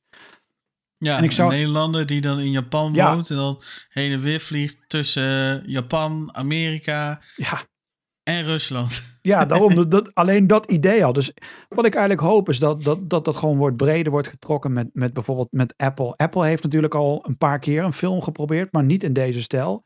Pak een Apple, pak een Microsoft. Of, Dat kan zo ook interessant zijn, ja. Of, Of- of HP een heel- eventueel. of een heel simpel ding.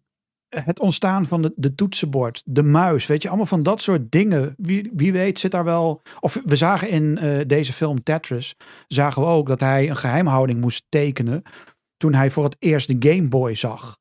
En dat stond er... Oké, hoe is dat bedacht? Hoe is dat, hoe De is Game dat Boy gemaakt? zelf bedoel je, ja. Ja, dus allemaal van dat soort dingen. Kijk, we hebben al eerder gehad over die, eh, die coma-serie van eh, over het ontstaan van Nintendo. Ik ben afgehaakt, was te langdradig.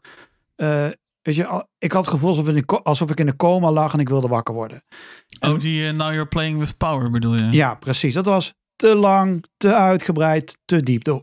Dat, hoeft voor mij niet. Maar als ze in deze stijl ook een Nintendo-film maken, een PlayStation, weet ik veel wat, verzin wat. Maar dat soort films zijn best wel interessant, omdat. Maar dan moeten ze wel op dit niveau natuurlijk eh, weten te doen. Dan, maken ze, dan kunnen we best wel toffe films en serie. Want je, je hebt er ook die film van ehm, het ontstaan van McDonald's. Dat vind ik één, eh, de, de founder vind ik een van de tofste origins verhalen van welk, welk bedrijf dan ook. Kijk, ik ben ondernemer en ik vind het altijd super interessant om verhalen achter een bedrijf te zien of achter hoe een logo is ontstaan. Waarom is die naam gekozen? Ehm, ik wist bijvoorbeeld van Nike niet hoe ze dat noemden, totdat ze in Air zeiden, we noemen dat de whoosh. N- Nooit van gehoord, maar uiteindelijk Oh, is dat, dat... is, dat, dat is het logo. Dat is het logo. logootje, ja, precies. Wist ik niet dat het zo heette, dat ze dat op die manier hadden bedacht. Ehm, Today, today I learned. Precies. Maar daarom vind ik dat, en dat is hetzelfde met de founder. Daarin zie je letterlijk het ontstaan van McDonald's. Hoe ze dat doen, waarom, hoe die keuken in elkaar zit, eh, hoe, de, hoe de mechaniek daar in elkaar zit, eh, hoe het bedrijf technisch in elkaar zit, vind ik super interessant.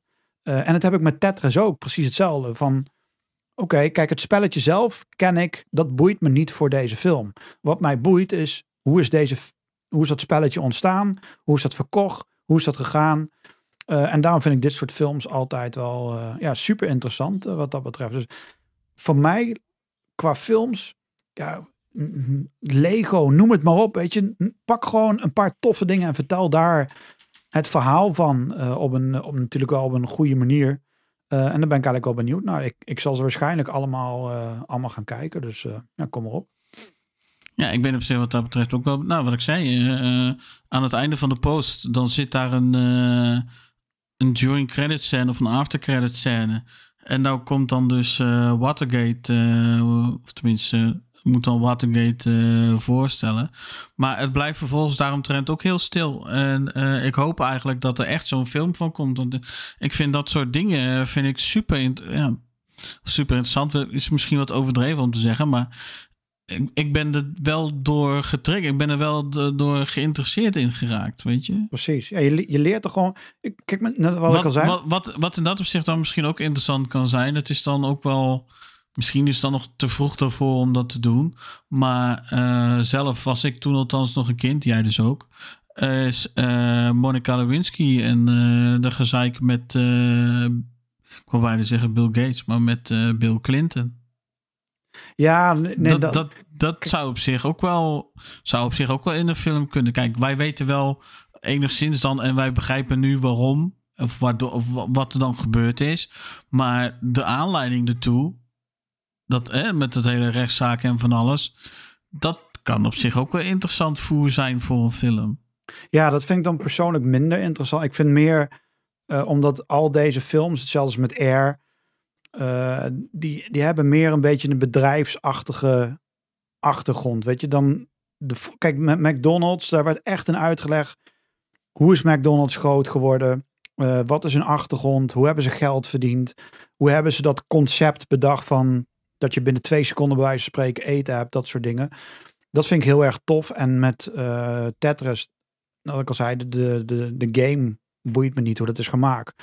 Maar wat me wel, de hele bedrijfsvoering eromheen, dat vind ik tof, zeg maar, om naar te kijken.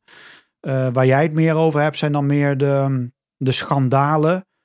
Dat ze dat dan uit gaan leggen in een film. Dat is dan, je hebt zeg maar de films waar Tetris onder valt. Je hebt dan de schandalen en je hebt dan de seriemoorden, moordenaars. Je hebt een beetje drie klassen films. Wat je dan zou kunnen zien op die manier. Ja. Ja, ik ja. zou dan dus, ja, ik zou dan dus bepaalde, ik kan dus wel inderdaad bepaalde sandalen inderdaad en dus bedenken waarvan, ja, wel weet dat ze er geweest zijn, maar niet weet hoe dat dat dus allemaal toen en hoe dat dan dus dan voor hun moet zijn geweest. En dat zijn ook wel dingen die je dan dus ook terugziet in een film als Tetris. Al ben ik dan bang had- met die film, dan dat had het dan meer... had je eh, anders ook niet gezien, bijvoorbeeld, dat hij, eh, dat die Nederlander eh, zijn huis uiteindelijk en al zijn bezittingen als onderpand doet, omdat hij toch, ja, in de game, Tetris de game, eh, gelooft. En dan bedenkt hij uiteindelijk dus ook dus nog een aanpassing in het spel. Dat als er dan dus meerdere regels zijn die dan dus volgens, dat dan dus meerdere regels weggaan in plaats van eentje. Ja, ja dat is wel een beetje een rode draad. Want als bij de founder eh, was het ook. Dan zette hij ook eh, alles op het spel om uiteindelijk eh, te kunnen doen met, met eh, McDonald's wat hij uiteindelijk wilde. Dat zie je dan wel een beetje in, als een rode draad eh, terug. Dat ze alles op het spel zetten. Dat, dat is dan weer dat ondernemersrisico die, ze dan, Mhm. die ze dan uiteindelijk allemaal nemen. En wat je dan ook moet nemen natuurlijk. Dus ja, wat dat betreft gewoon ehm, ja, tof gedaan. Ja, zeker. Ehm, we zijn al vrij lang bezig. We gaan er gauw doorheen. Uh, een ander dingetje die we dan ook nog hadden staan is dat de Super Mario Bros. Movie een uh, homebox of nee, uh, heet het homebox? De box office. Box office inderdaad heeft gehaald van 1 miljard. Dat is op zich best wel wat voor een uh, animatiefilm. Hoor. En uh, ik moet zeggen, ik heb de film al gezien, jij nog niet. Ik zal er dus nog niet al te veel uh, van verklappen. Gewoon puur omdat ik nog niet al te veel wil spoilen. Um, om toch alvast één vraag, denk ik, voor jou te beantwoorden. Want ik was in het begin ook best wel sceptisch. Ook met betrekking tot de voice acting. Met name Chris Pratt, die dus uiteindelijk Mario gaat doen. Um, het is niet heel storend in de film. Maar ik blijf er wel bij. Ik mis het Italiaanse accent. Dat heb ik niet heel erg uh, teruggehoord. En uh, in dat opzicht zou ik echt wel liever de originele stemacteur willen horen uh, van Mario. Die krijgt dan gelukkig dan wel een Easter egg in de film. Of noemen ze dat? Een cameo in de film. Uh, maar die is wel weer vrij kort. En natuurlijk, dat hoort er dan bij, natuurlijk bij een cameo. Maar ja, het is toch een beetje. Voor mij was het. Nou was dat toch denk ik de betere voice geweest. Maar goed, dat uh, zullen we nu dus nooit weten. verder wel een hele leuke film. qua verhaal niet heel bijster spannend. Maar waar het voor kijkers als jij en ik is, uh, Michael, is toch wel uh, face de herkenning. Er zitten hier en daar wat details en dingen in. Denk dan bijvoorbeeld aan muziek, geluidseffecten, noem dan maar op. Die, die dus ook in de Mario games zitten en die dan dus ook terugkomt in de film. Dat is dan op zich wel tof gedaan. En uh, ze pakken ook wel de hele Mario franchise trouwens. Want uh, je hebt ook al in de trailer gezien natuurlijk. Ze gaan ook karten en Rainbow Road komt dan ook voorbij. Ja. Uh, allemaal dat soort dingen. Dus ze pakken het ook wel heel breed. Dus dat is ook wel interessant om te zien dat ze dat dan dus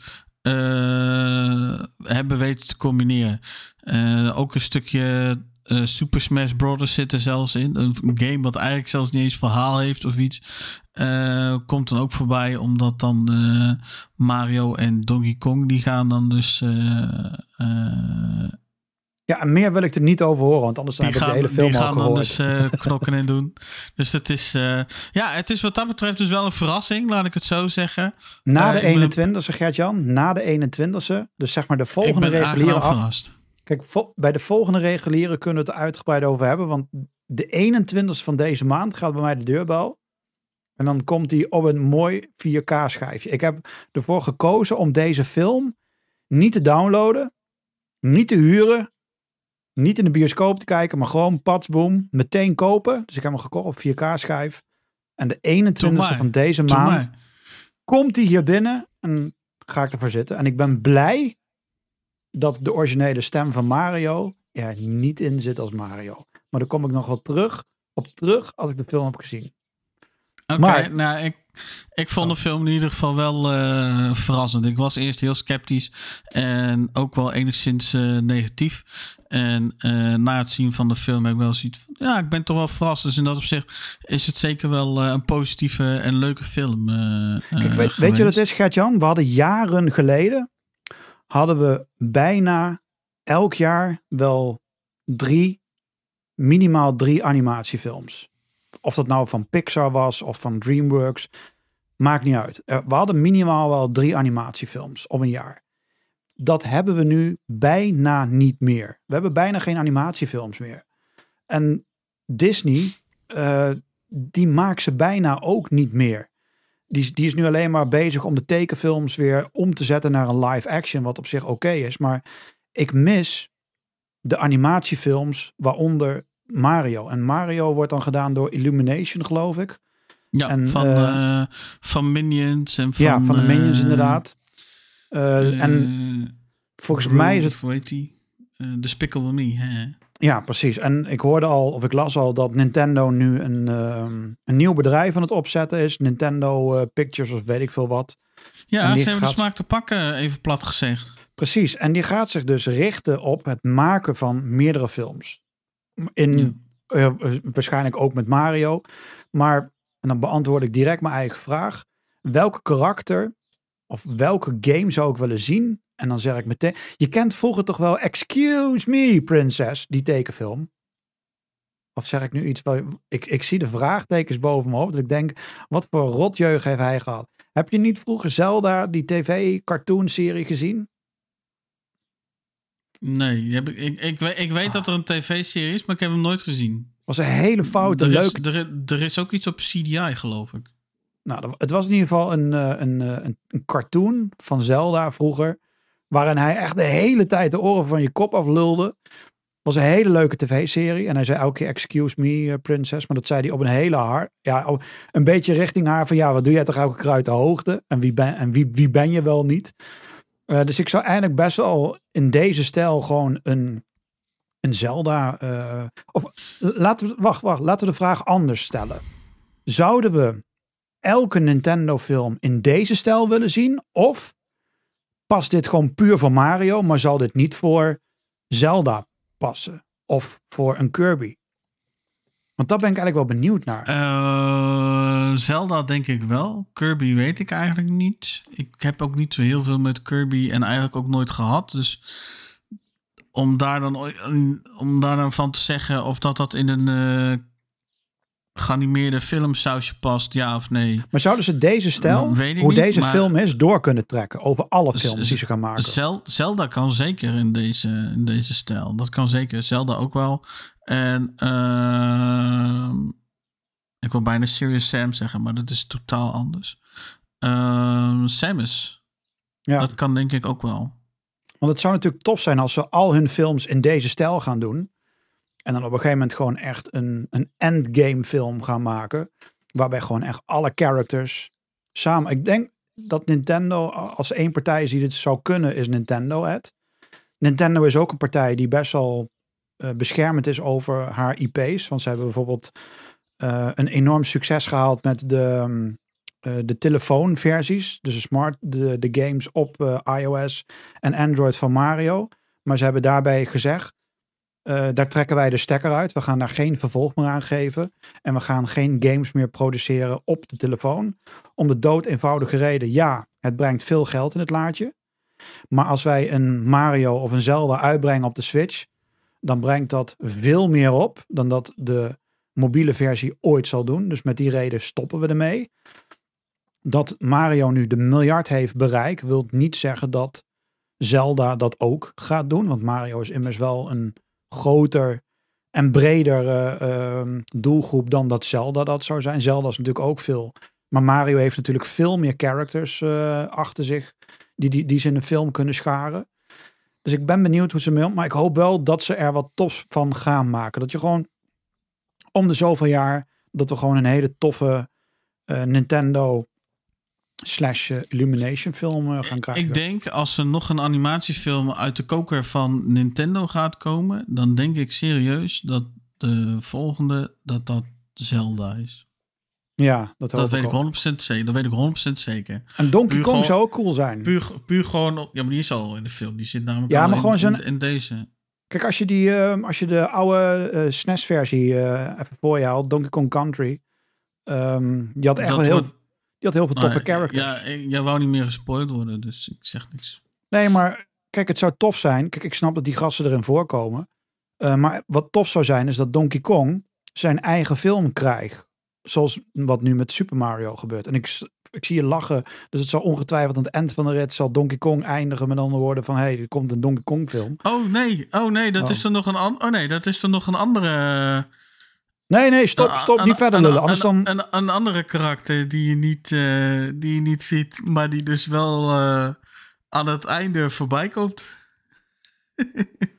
Ik deed mijn koptelefoon af. Maar la- lang verhaal kort, het zou tof zijn. Of wat, wat nog toffer is, dat we anno ik- 2023. Ik, ik bedenk me net dat ik mijn opmerking van net wel moet aanpassen. Ik denk dat Zelda de tweede film is van Nintendo die gaat komen. Laat ik het daarop houden. La, la- laat ik zo zeggen, ik vind het tof dat in een tijd leven dat er een film komt over Tetris. Dat er een Super Mario film komt. En dat gaming nu eindelijk het niveau heeft behaald dat het normaal is, net als elk ander ding. Dat je niet meer hoeft te schamen tussen haakjes van, ja maar, maar ik, in, in, in- in het weekend speel ik ook een spelletje. Hoef, maakt, niet meer, maakt geen flikker meer uit. Dat, dat, dat tijdperk zijn we nu gelukkig door. En alleen een RTL en een dingen die snappen nog steeds niet dat gaming normaal is. Maar het feit dat dat nu normaler is geworden en dat een eh, Mario film dat succes heeft behaald, vind ik gewoon tof. En dan een Tetris film hetzelfde weet te bereiken. Natuurlijk niet met een miljard, maar wel gewoon de manier van hoe ze die film hebben neergezet. Vind De ik gewoon cool. kwaliteit van de film, ja. Ja, precies. Dat vind ik gewoon tof dat ze dat voor elkaar hebben gekregen. Dus ja, en dat ik zei, we hebben gewoon zo weinig animatiefilms eh, eh, gehad eigenlijk. En het stomme is, Disney heeft twee animatiefilms achter de rug. En die waren heel erg slecht ontvangen. Wat ik niet begrijp, want er waren twee hele toffe films. Eentje met, ehm, met Woody. Nee, niet met Woody, met die andere. Ehm, van Toy Story, die eh, Space eh, gast. Die had zijn eigen film met een complete naam kwijt. Maakt niet uit als je drie uur zit te lullen. Buzz Lightyear. Ja, precies. Die had zijn eigen animatiefilm, wat echt fantastisch was, maar hij heeft het heel slecht gedaan. Er was nog een andere animatiefilm, die was ook heel erg tof. Was ook helemaal de grond in getrapt, waarvan ik dacht, joh, wees blij dat we ook dat soort films hebben. En niet alleen maar Jennifer Lopez films, want dan spring ik echt meteen uit het raam. Ehm, dus ja, dat. Ja, als, ze- als zij je vangt. Ja, daarom. Ehm, dan pak ik het ene laatste nieuwtje en dan kan jij afsluiten met jouw eh, dingen. eh, want dat, is, dat, dat, dat ligt meer aan jou. Ehm, De, de vast en ja, die, die laatste regel, die bewaar ik voor jou. Daar mag jij helemaal over losgaan en dan Oh. kunnen we afsluiten. En dan pak ik Maar daar, deze valt, nog. daar valt nog heel veel over te zeggen, toch? Er is niet heel veel van. Nee, maar je- als ga, jij- ga, maar, ga maar gauw, ga maar gauw. Als jij daarover begint. ehm, de ja, dan zitten we hier nog even. Eh, maar als je dacht dat The Fast and the Furious zou stoppen met één slotfilm. eh, ja, daar hebben we natuurlijk pech, want er komen er drie. Eh, de Fast X film, die was gezien door de grote baas. Eh, niet door eh, Vin Diesel, maar de studiobaas. En die had gezegd, gast, maak hier... hoeveel films kun je ervan maken? Dat Vin Diesel gezegd. Maakt mij niet uit, joh. Noem maar een getal. En toen zeiden ze van, nou weet je wat, kun je er drie maken? Dus de Fast X-film serie, of eigenlijk wordt het een trilogie. Dus het is heel idioot. Maar het laatste deel krijgt dus een trilogie. Krijgt drie delen, een begin, midden en een, en een slot. Eh, een beetje zoals eh, Lord of the Rings. Ah, natuurlijk niet. Het worden gewoon drie domme kutfilms. Ja, wordt het Eh, geen auto die in de berg gereden wordt? Nee. Of in elkaar? Ik heb geen idee wat ze gaan doen. Maar er komen dus drie films die dan het slotstuk moeten gaan doen. Nou, vind ik heel apart dat ze dat gaan doen. Maar oké, weet je, eh, als je het wilt uitmelken, prima. Ik kijk die shit toch allemaal. Eh, we hadden het er laatst over dat er ook een fast film gemaakt zou worden met een complete vrouwencast. Dus dat het dan draait om vrouwen die allemaal gingen rijden. Nou, daar hoorde we toen niks meer over. Nu is- Fast women. Ja, zoiets. Eh, en dat is nu bevestigd dat het dus wel gaat komen. Want inmiddels is de cast dusdanig uitgebreid eh, met de X-film, met de tiende film. Dat er genoeg vrouwelijke hoofdrolspelers zijn om dan een, eh, een, een nieuwe film te verantwoorden daarvoor. Dus er komt toch een spin-off. Eh, want Vin Diesel heeft gezegd, ik wil zo snel mogelijk dit trilogie stuk afmaken. Zodat Ja, ik Fast. hij wil het heel vast doen. Want ik heb een andere koe gevonden. Die stond er namelijk naast. Eh, en deze Stond koe is inmiddels wel uitgemolken. Die is dood. Die, die, Ber- Bertha is uitgemolken. Bertha ja. zit er echt. Bertha die kijkt, denk ik. Ik heb nog twee drupjes over. Dus er komen in totaal dan nog twee films bij. Naast deze. En er staat een nieuwe koe. En die is jong, gezond. Die staat er helemaal. Bertha de tweede. Bertha 2. En Vin Diesel die gaat eraan rukken, jongen. Dat is niet normaal. En die ramt er, ik denk... Nou, de vrouwenserie krijgt dus een... De vrouwen krijgen een compleet nieuwe spin-off. En ja, je verwacht het niet, maar eh The Rock en Vin Diesel... eh, die, hebben het bij, die hebben het goed gemaakt met elkaar. Ik was erbij. en die, kusje, die- kusje, kusje. ja, ik was erbij. Dat was heel klef allemaal. Echt heel smerig. Maar goed, die twee hebben het, eh, hebben het goed gemaakt. En die, de Rock, die gaat... ehm, die komt natuurlijk ook in de nieuwe Fast film. Dus niet in deze, maar wel in de volgende. Hij had natuurlijk een beetje gehoopt dat Black Adam, dat dat zijn succes zou gaan worden. Dat hij daarmee, maar ja, natuurlijk compleet gefaald. En hij heeft alle ruiten ingegooid bij DC. En die film zal nooit meer gaan komen. En zijn rol ook niet meer. Dus hij ging weer terug, huilie huilie, naar eh, The Rock. En hij heeft het goed gemaakt. En ook De Rock hij... terug naar de Rock, ja? En ook hij, The Rock, krijgt dus een eigen spin-off serie. Dus we krijgen een nieuwe Een film van? Hobbs. Ja, hij krijgt een ja, filmserie. Dus hij krijgt Oké. eigen dus Hobbs. Die komt terug in de nieuwe Fast films. En hij krijgt een eigen filmserie. Nou, als je dacht dat je dat zou willen, maakt allemaal niet uit. Maar Vin Diesel, die heeft een nieuwe koe gevonden. Dus ik denk de komende tien jaar, ja, dat we gewoon heel veel spin-offs gaan krijgen. En dat Vin Diesel dan als de Iron Man, hè, de Iron Man van de Fast, door alle films heen gaat om te vertellen hoe belangrijk familie is. Want dat is toch wel zijn boodschap van de Fast films. En dat gaat hij doen. Ehm, ja, en wat, wat, wat we ook gaan doen, is we gaan naar het eind van dit stuk. En we gaan het weer hebben over de meest kutste serie ooit. nou, dat weet, nou, dat weet je niet. Waar ik trouwens wel benieuwd naar ben, voor Oh. ik dit ga, voor ik de, de, de laatste punt dan eh, zelf ga aankondigen. eh, ga je dan wel eh, bijvoorbeeld Ballerina en de Continental kijken nog? De, de spin-off serie en de spin-off film. De film sowieso natuurlijk, maar dat is met, hoe heet ze ook alweer? Uit James Met Bond. Anna. Anna de, Al, Al- Anna de Alma's, Al- zoiets. Ja, Anna die. de, de ananas. Ja, dat klopt. Ja, Anna, Anna Ananas. Ananas. Ananas, hé, ja, hé. Dus het is lang. Nee, je- weet, in ieder geval, je weet in ieder geval wie ik bedoel. Ga je die kijken? Ga je die twee kijken? Of zeg je nu van nee, ik ben er nu zo klaar? Want de serie, die Continental is natuurlijk een prequel eh, van eh, Ballerina. Is alleen bekend dat het dan dus om die karakter, op in ieder geval een karakter gaat uit die Ruska Roma eh, familie. Ga, ga je die wel kijken? Of zeg je van nou, ik weet eigenlijk nog niet? Ik ga het kijken omdat Ananas erin meespeelt. Dan heb ik zoiets van, oké.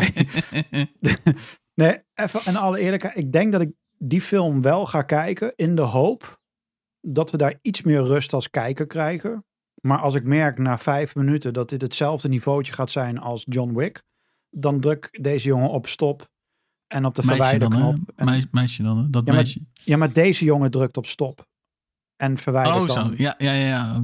De vanochtend toen ik keek, toen was ik nog steeds een jongen. Ja, ja, ja, het is goed. Ik, ik, was, ik was even in de war, omdat ballerina, eh, ja, is Ja, ik- natuurlijk, ik- omdat het dan... Het. Dus ik dacht van dat je, dat je, dat je daarop doelde. Ik dacht, Nee, nou, dat dat, is- voor, jou, voor jong is ananas afgekeurd. Ja, dus dan, dan zou ik daar dan wel op afhaken. Eh, die andere serie, eh, Continental. Continental komt een redelijk de strot uit. Ook door de laatste film eh, en door het hele geneuzel van dat. Komt Maar die de serie die gaat uit. juist meer over het ontstaan, hè? Ja, maar dat wordt ook weer met andere acteurs gedaan. En met alle respect voor de jonge Omdat cast. het in een andere tijd afspeelt. Dat snap ik. Maar met alle respect voor de jonge cast. Die gaan never, nooit het niveau aantikken van de huidige. En we krijgen een AliExpress versie van deze gasten. Ik zal het kijken.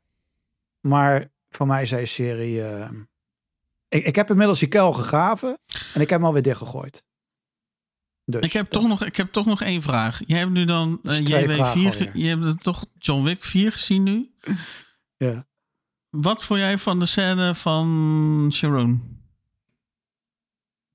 Ehm, ongelooflijk dom, afgezaag en veel te snel. Dit was van, oh ja, shit, maar we hebben hem ook nog. Wat moeten doen? Als je er maar dood. Oké, dood, klaar. Ja, dat heb ik. Dat heb ik. Totaal respectloos richting hem als zijn karakter. Kijk, ik, ik, ik snap het. Ja, en het vervelende is dus, ze kunnen het nu dus ook niet zeg maar overnieuw doen en beter doen. Dat is dus ook nog eens een keer het lullige. Kijk, weet je wat het was? De schok was er niet eens. Voor mij. Ondanks dat ik het wist. Maar ik had niet zoiets van, oh. Want het was echt zo van, ja, we schieten hem dood, bam. Ze gingen door. En ze gingen verder in de film. En dat was het, klaar. Dus een van de meest belangrijke characters, ga je op die manier, ga je daarmee om in de film. Ik had op wat ik op zijn minst mooier had gevonden, is dat ze toch al een klein stukje van een begrafenis erin hadden verwerkt. En daar iets meer moeite en iets meer tijd aan hadden besteed. In plaats van al. Want John Wick nam niet eens de moeite om bij dat graf stil te staan en daarnaar te kijken. Hij liep gewoon door. De manager kwam eraan en ze hadden het weer over, over John Wick. Ik vond dat. Ja, over, over de missie tussen aanhalingstekens Precies. at hand. Ja. John Wick had. Het was mooier geweest als die scène iets meer uitzoomen. John Wick eraan kwam. Dat die manager Ja. daar stond. Dat ze heel even inzoomden. Dat je dan op het achtergrond netjes dan de, de graf zag staan. Of die steen, memorial. En dat ze dan heel even over hem gingen hebben. En dat ze dan omdraaide en dan... Dit was echt van, oh ja, goed, hij is maar dood. dat komt, dat, komt, dat komt later te sprake, hè? Dan, dan is het wel van ja, eh, ik heb Sharon niet kunnen vragen wat hij op zijn eh, graf wilt hebben staan. En omdat, hè, dat zag hij dan als fout. En wat wil jij dan? Ja, maar dat was te laat En, eh, in de film. En, en, en dan zegt hij dus, ja, eh, wat heb jij... En dan vraagt hij, of dan zegt John Wick dus tegen Winston... wat heb jij dan eh, nu dan op de steen laten zetten? En denk ik van, ja, je had ook gewoon langs kunnen gaan. Maar oké. hij liep er eh, langs. Hij liep... En, dan is er- en dan staat er nu, geloof ik, a friend of zo. Of friend. Omdat hij dat dan altijd wel geweest is. En ja, oké. maar het Denk was dus... ja, kijk, uiteindelijk is het wel meer geweest, denk ik dan. Maar. Winston, Winston die stond daar. Die keek naar die memorialsteen. John Wick komt eraan gelopen. Ze, hij kijkt ernaar. En ze hebben het over die kutmissie. Dat moment was misschien wel een van de meest respectloze eh, scènes uit de hele films die ik ooit heb gezien. Kijk, los van het feit dat hij in het echt is overleden. Kijk, toen wisten ze dat natuurlijk nog niet. Maar zelfs los daarvan was dit alsof er een schoonmaker in de serie is doodgegaan. En dat toevallig daar zijn graf ligt. En dat ze even daar toevallig langs liepen. Die scène hadden ze, los van hem of hij nou overleden is in het echt of niet. Dat maakt niet uit voor de film. Daar hadden ze langer en beter inhoudelijker stil moeten staan. Dit was, en dit is, dit is wat ik bedoel met dat deze film een platte actiefilm is. En totaal niet weet om te gaan met die diepe laag die er eigenlijk in, voor zit, in, in zit qua verhaal. Want dit is gewoon een verhaalding wat je erin had moeten verwerken. Ja. Een van jouw belangrijkste karakters is dood in de film gegaan. En dan ga je ermee om alsof de schoonmaker is overleden. En John Wick geeft er geen fuck om, want het draait om John Wick. En dat is wat ik bedoel met dat John Wick alles maar kan, mag. En dat het om hem draait. En al het andere, dat boeit hem eigenlijk niet. En dat boeit de rest eigenlijk ook niet. En dat vond ik jammer en zonde. Want dit is waar de film heel even had kunnen uitblinken van een belangrijke character is overleden. Of had op zijn minst dat gewoon beter en uitgebreider hadden ze gewoon moeten doen. Dus ja, dat. Ja, nee, dat, dat, dat, bij die specifieke scène heb ik dat ook wel. Daar hadden ze wel wat meer diepgang aan mogen geven. Even, even plat gezegd. Dat hadden ze inderdaad. eh Het was een belangrijke character. En kijk, los van of hij, was, of hij nu in het echt is overleden of niet. Voor de film hadden ze dat gewoon breder moeten trekken. En volgens mij, want dat heb ik, niet, heb ik even gemist. Ik heb volgens mij niet bij de aftiteling gezien zijn naam. Maar daar kan ik overheen hebben gekeken. Want meestal eh, komt dan Ik heb, voor... ik, heb, ik heb wel. Heb je ook trouwens ehm, de aftercredit scènes gezien? Ik kan me niet veel meer van die film, ondanks dat ik hem drie dagen geleden heb gezien, ben ik heel even een paar dingetjes kwijt.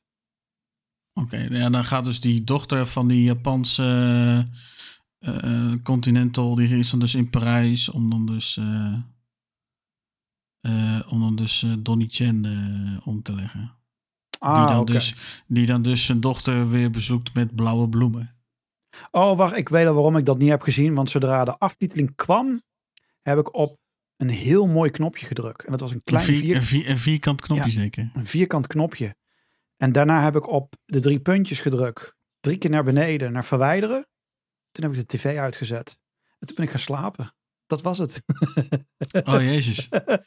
dat jij dat kan dan, zoveel gaan kijken vlak voordat je gaat slapen. Nee, dat, kan, dat zou ik echt niet kunnen. Nou, ik was... ik, moet, ik, ik, moet, ik, echt wel, ik, ik moet echt wel weer in een bepaalde gemoedsrust zijn voordat ik dan weer. eh, voordat ik dan kan gaan slapen. Ja, ik, ik had een Maar- heel blij, fijn gevoel toen het was afgelopen. Want het, het was Ja, nee, dat kan, ik me afgelopen. nou, dat kan ik me nou wel voorstellen. Ik snap waar je vandaan komt, dus dat begrijp ik dan wel. Dus het, het is jammer. Ehm, Het is jammer, inderdaad. Ja, nou ja, dat was even wat ik wilde weten, inderdaad. Ehm, hebben we nog één dingetje? Eh, ik vind dat we dat eigenlijk altijd wel moeten doen bij eh, afleveringen als deze. Dat is de tip van deze keer. Of de tip van de week, of net wat je noemen wilt. En ehm, zal ik hem af... Ja, ik ga wel als eerste. Ik heb eigenlijk twee tips eh, om te kijken. Ehm, uitgesplitst eigenlijk in een film en een serie. Ehm, mocht je dus zeggen van, nou, ik wil film kijken. Goh, eh, welke film zou ik dan eens kunnen gaan kijken? Ehm, of dat die nu nog draait in de bioscoop, weet ik even niet. Ik denk het wel. En anders dan zal hij vast binnenkort op Disney Plus verschijnen. En daarna digitaal, nee, eh, fysiek op Blu-ray, DVD en weet ik het allemaal. En dat is eh, Guardians of the Galaxy 3. Dat, ja, kon ik, ik, ik had eerst iets anders staan, maar denk van ja, nee, dat, nee, dat klopt niet. Dus ik denk van nou, ik denk dat, dat, dat dit eigenlijk dan eh, de keuze moet zijn. Ik denk dat dat toch echt wel eh, de betere film is ten opzichte van die ik dan eerst had staan, Dungeons and Dragons.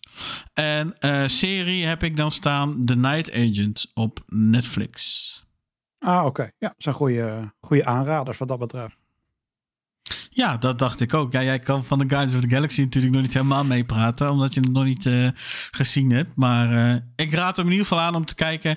En ik weet, jij bent fanboy genoeg, uh, dus jij gaat Guardians of the Galaxy ook kijken wanneer het hier op Disney Plus verschenen is. Tuurlijk, dus ik kijk nog steeds elke wat, top. wat, wat, wat dat betreft weet ik wel dat mijn tips en adviezen altijd goed zijn. En dat je altijd wel een excuus weet om eromheen te lullen. Dat het, uh, oh, maar dit heeft helemaal niks met jou. Uh, dit heeft helemaal niks met jouw dingen te maken. Want ik kijk elke Marvel-film en serie gewoon nog steeds puur omdat ik nog steeds hoop uh, dat hun weer uit, oh, de, uit, die, je, uit die gat weten te klimmen. Daarvoor kijk ik het nog steeds.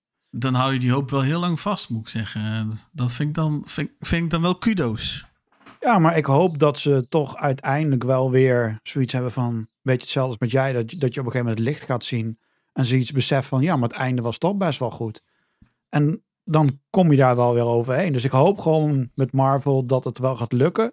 En ik vind het ook fair om een film te kijken en daarna mijn mening te geven in plaats van dat ik een film afbrand op basis van dat ik denk dat ik weet wat er gaat komen. Dus dat vind ik wel zo fair natuurlijk. Anders kan ik daar ja, ook niet over ja, klagen. Ja, of juist snap niet. ik. Snap ik. Alleen ik heb zelf ook wel zoiets van ja, ik ben nu dusdanig aantal keer teleurgesteld, zal ik maar even zeggen. Van, van uh, MCU, dat ik ook wel zoiets heb van. Of ik dan dus misschien de lat wat hoger, te hoog heb gelegd voor die films.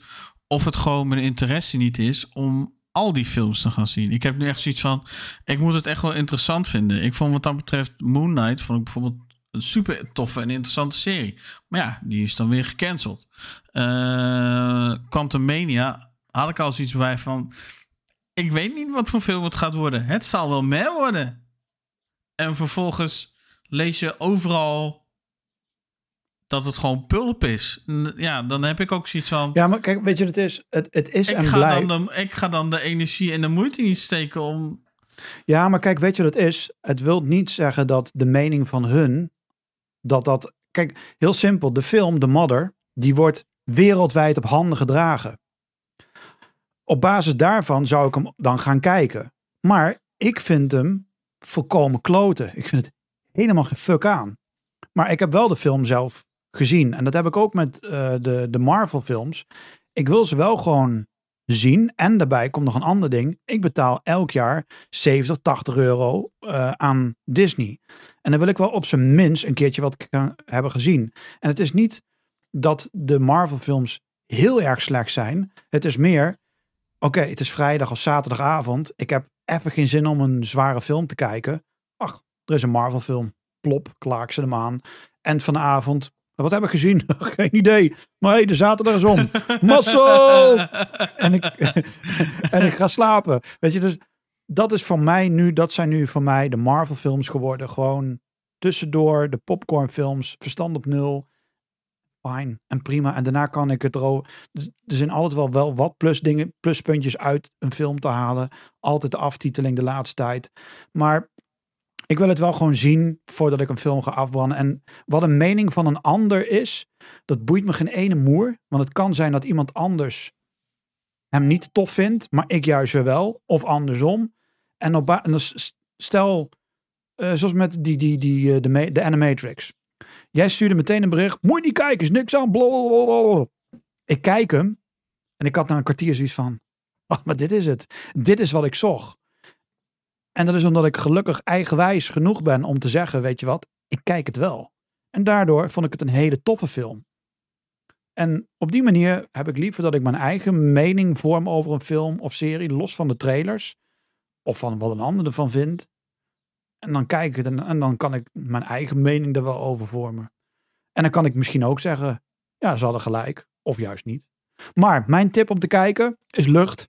Eén en al Lucht. Oftewel de film Air. En die staat op? HBO Max, waar we het net over, Ah, uitgebreid over hebben Ja, gehad. nee, dat, dat snap ik. Maar Die staat ik was eh, even, op, ik de, was even, op de ik was even kwijt. eh. Oké, Op dan zal ik, die, eh, zal ik die binnenkort denk ik ook maar even Zeker aanzetten. hem echt, echt oprecht de moeite waard. Super interessant dat- verhaal. Ja, die is met eh Damon. Ja, dat zijn Ja, dus met Damon en Ben Affleck die de hoofdrol spelen. Eindelijk zijn die twee weer, weer samen in een filmpje. Hoppa. Dat bedoel ik. Dat was het dan. We zijn er eindelijk doorheen. En bij mij zegt het programma waarmee ik opneem dat, dat ik al 2 uur en 40 minuten aan het opnemen ben. Ja, ben ja, ja, ja, ja. Ben ik nog eens constant aan het woord geweest, ook nog, hè? Dus. Verdorie, Michael. Dit gaat wel weer, eh, dit gaat wel weer een rond hem worden, af. denk ik. Ik ben echt benieuwd eh, hoeveel luisteraars ook straks. Maar goed. eh, Iedereen is inmiddels al lang afgehaakt, joh. ja, dat denk ik ook. Dat denk ik ook. Dus eh, wij gaan ook afhaken. Het is eh, voor ons nu eh, bijna tien voor half vijf op vrijdag, zowaar. Dat we deze opname doen. En eh, ik vond het wel weer leuk. Ik vond het wel weer gezellig. Eh, Lekker vol, lekker vol. Lekker vol deze keer inderdaad. Nou ja, resulterend in een veel te lange aflevering eigenlijk. en ehm, ja, dus bedankt. Echt onwijs bedankt voor het luisteren. We blijven het elke keer zeggen. Maar deze aflevering die duurt nu zo lang. En als je dit dus zo lang hebt weten vol te houden. Ja, dat is eigenlijk gewoon een petje af. Zeker als je daar zo lang ook nog naar Michael moet gaan zitten luisteren. Dan kan ik me wel En dat je niet bent afgehaakt naar dat hele Lord of the Rings debakel. Respect. Respect. het Of je bent ook zo'n klootzak die dat hè? vindt.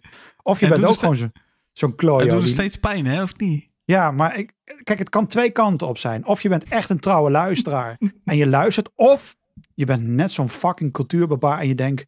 Ja, maar ik vind dat het eh, dat einde ook zo eh, niet zo goed is. Fuck jou! Ga weg! Fuck jou. Zit je ook met je dikke middelvinger. Fuck jou. Pleur op, man. Ga even lekker een Jou- andere jou- jouw podcast er luisteren. niet toe. Ja, ga lekker een andere podcast steunen, man. Als deze in één keer in, in luistercijfers omhoog gaat, dan maak ik me echt heel erg zorgen over jou die luistert. Ja, of, of eerder dan over jouw mening. Of dat die nou wel een beetje klopt. Want die klopt dan blijkbaar niet. Mijn mening klopt altijd. Dat is een feit. Ja, kijk, zie je. Ja, precies. Oké. Daar dat- kunnen we niet omheen. Maar goed, alle gekheid op een stokje. Bedankt voor het luisteren dus.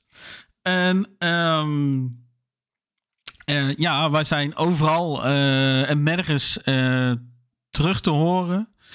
Van Spotify, we staan op YouTube, we staan op Google Podcast, geloof ik dat het heet.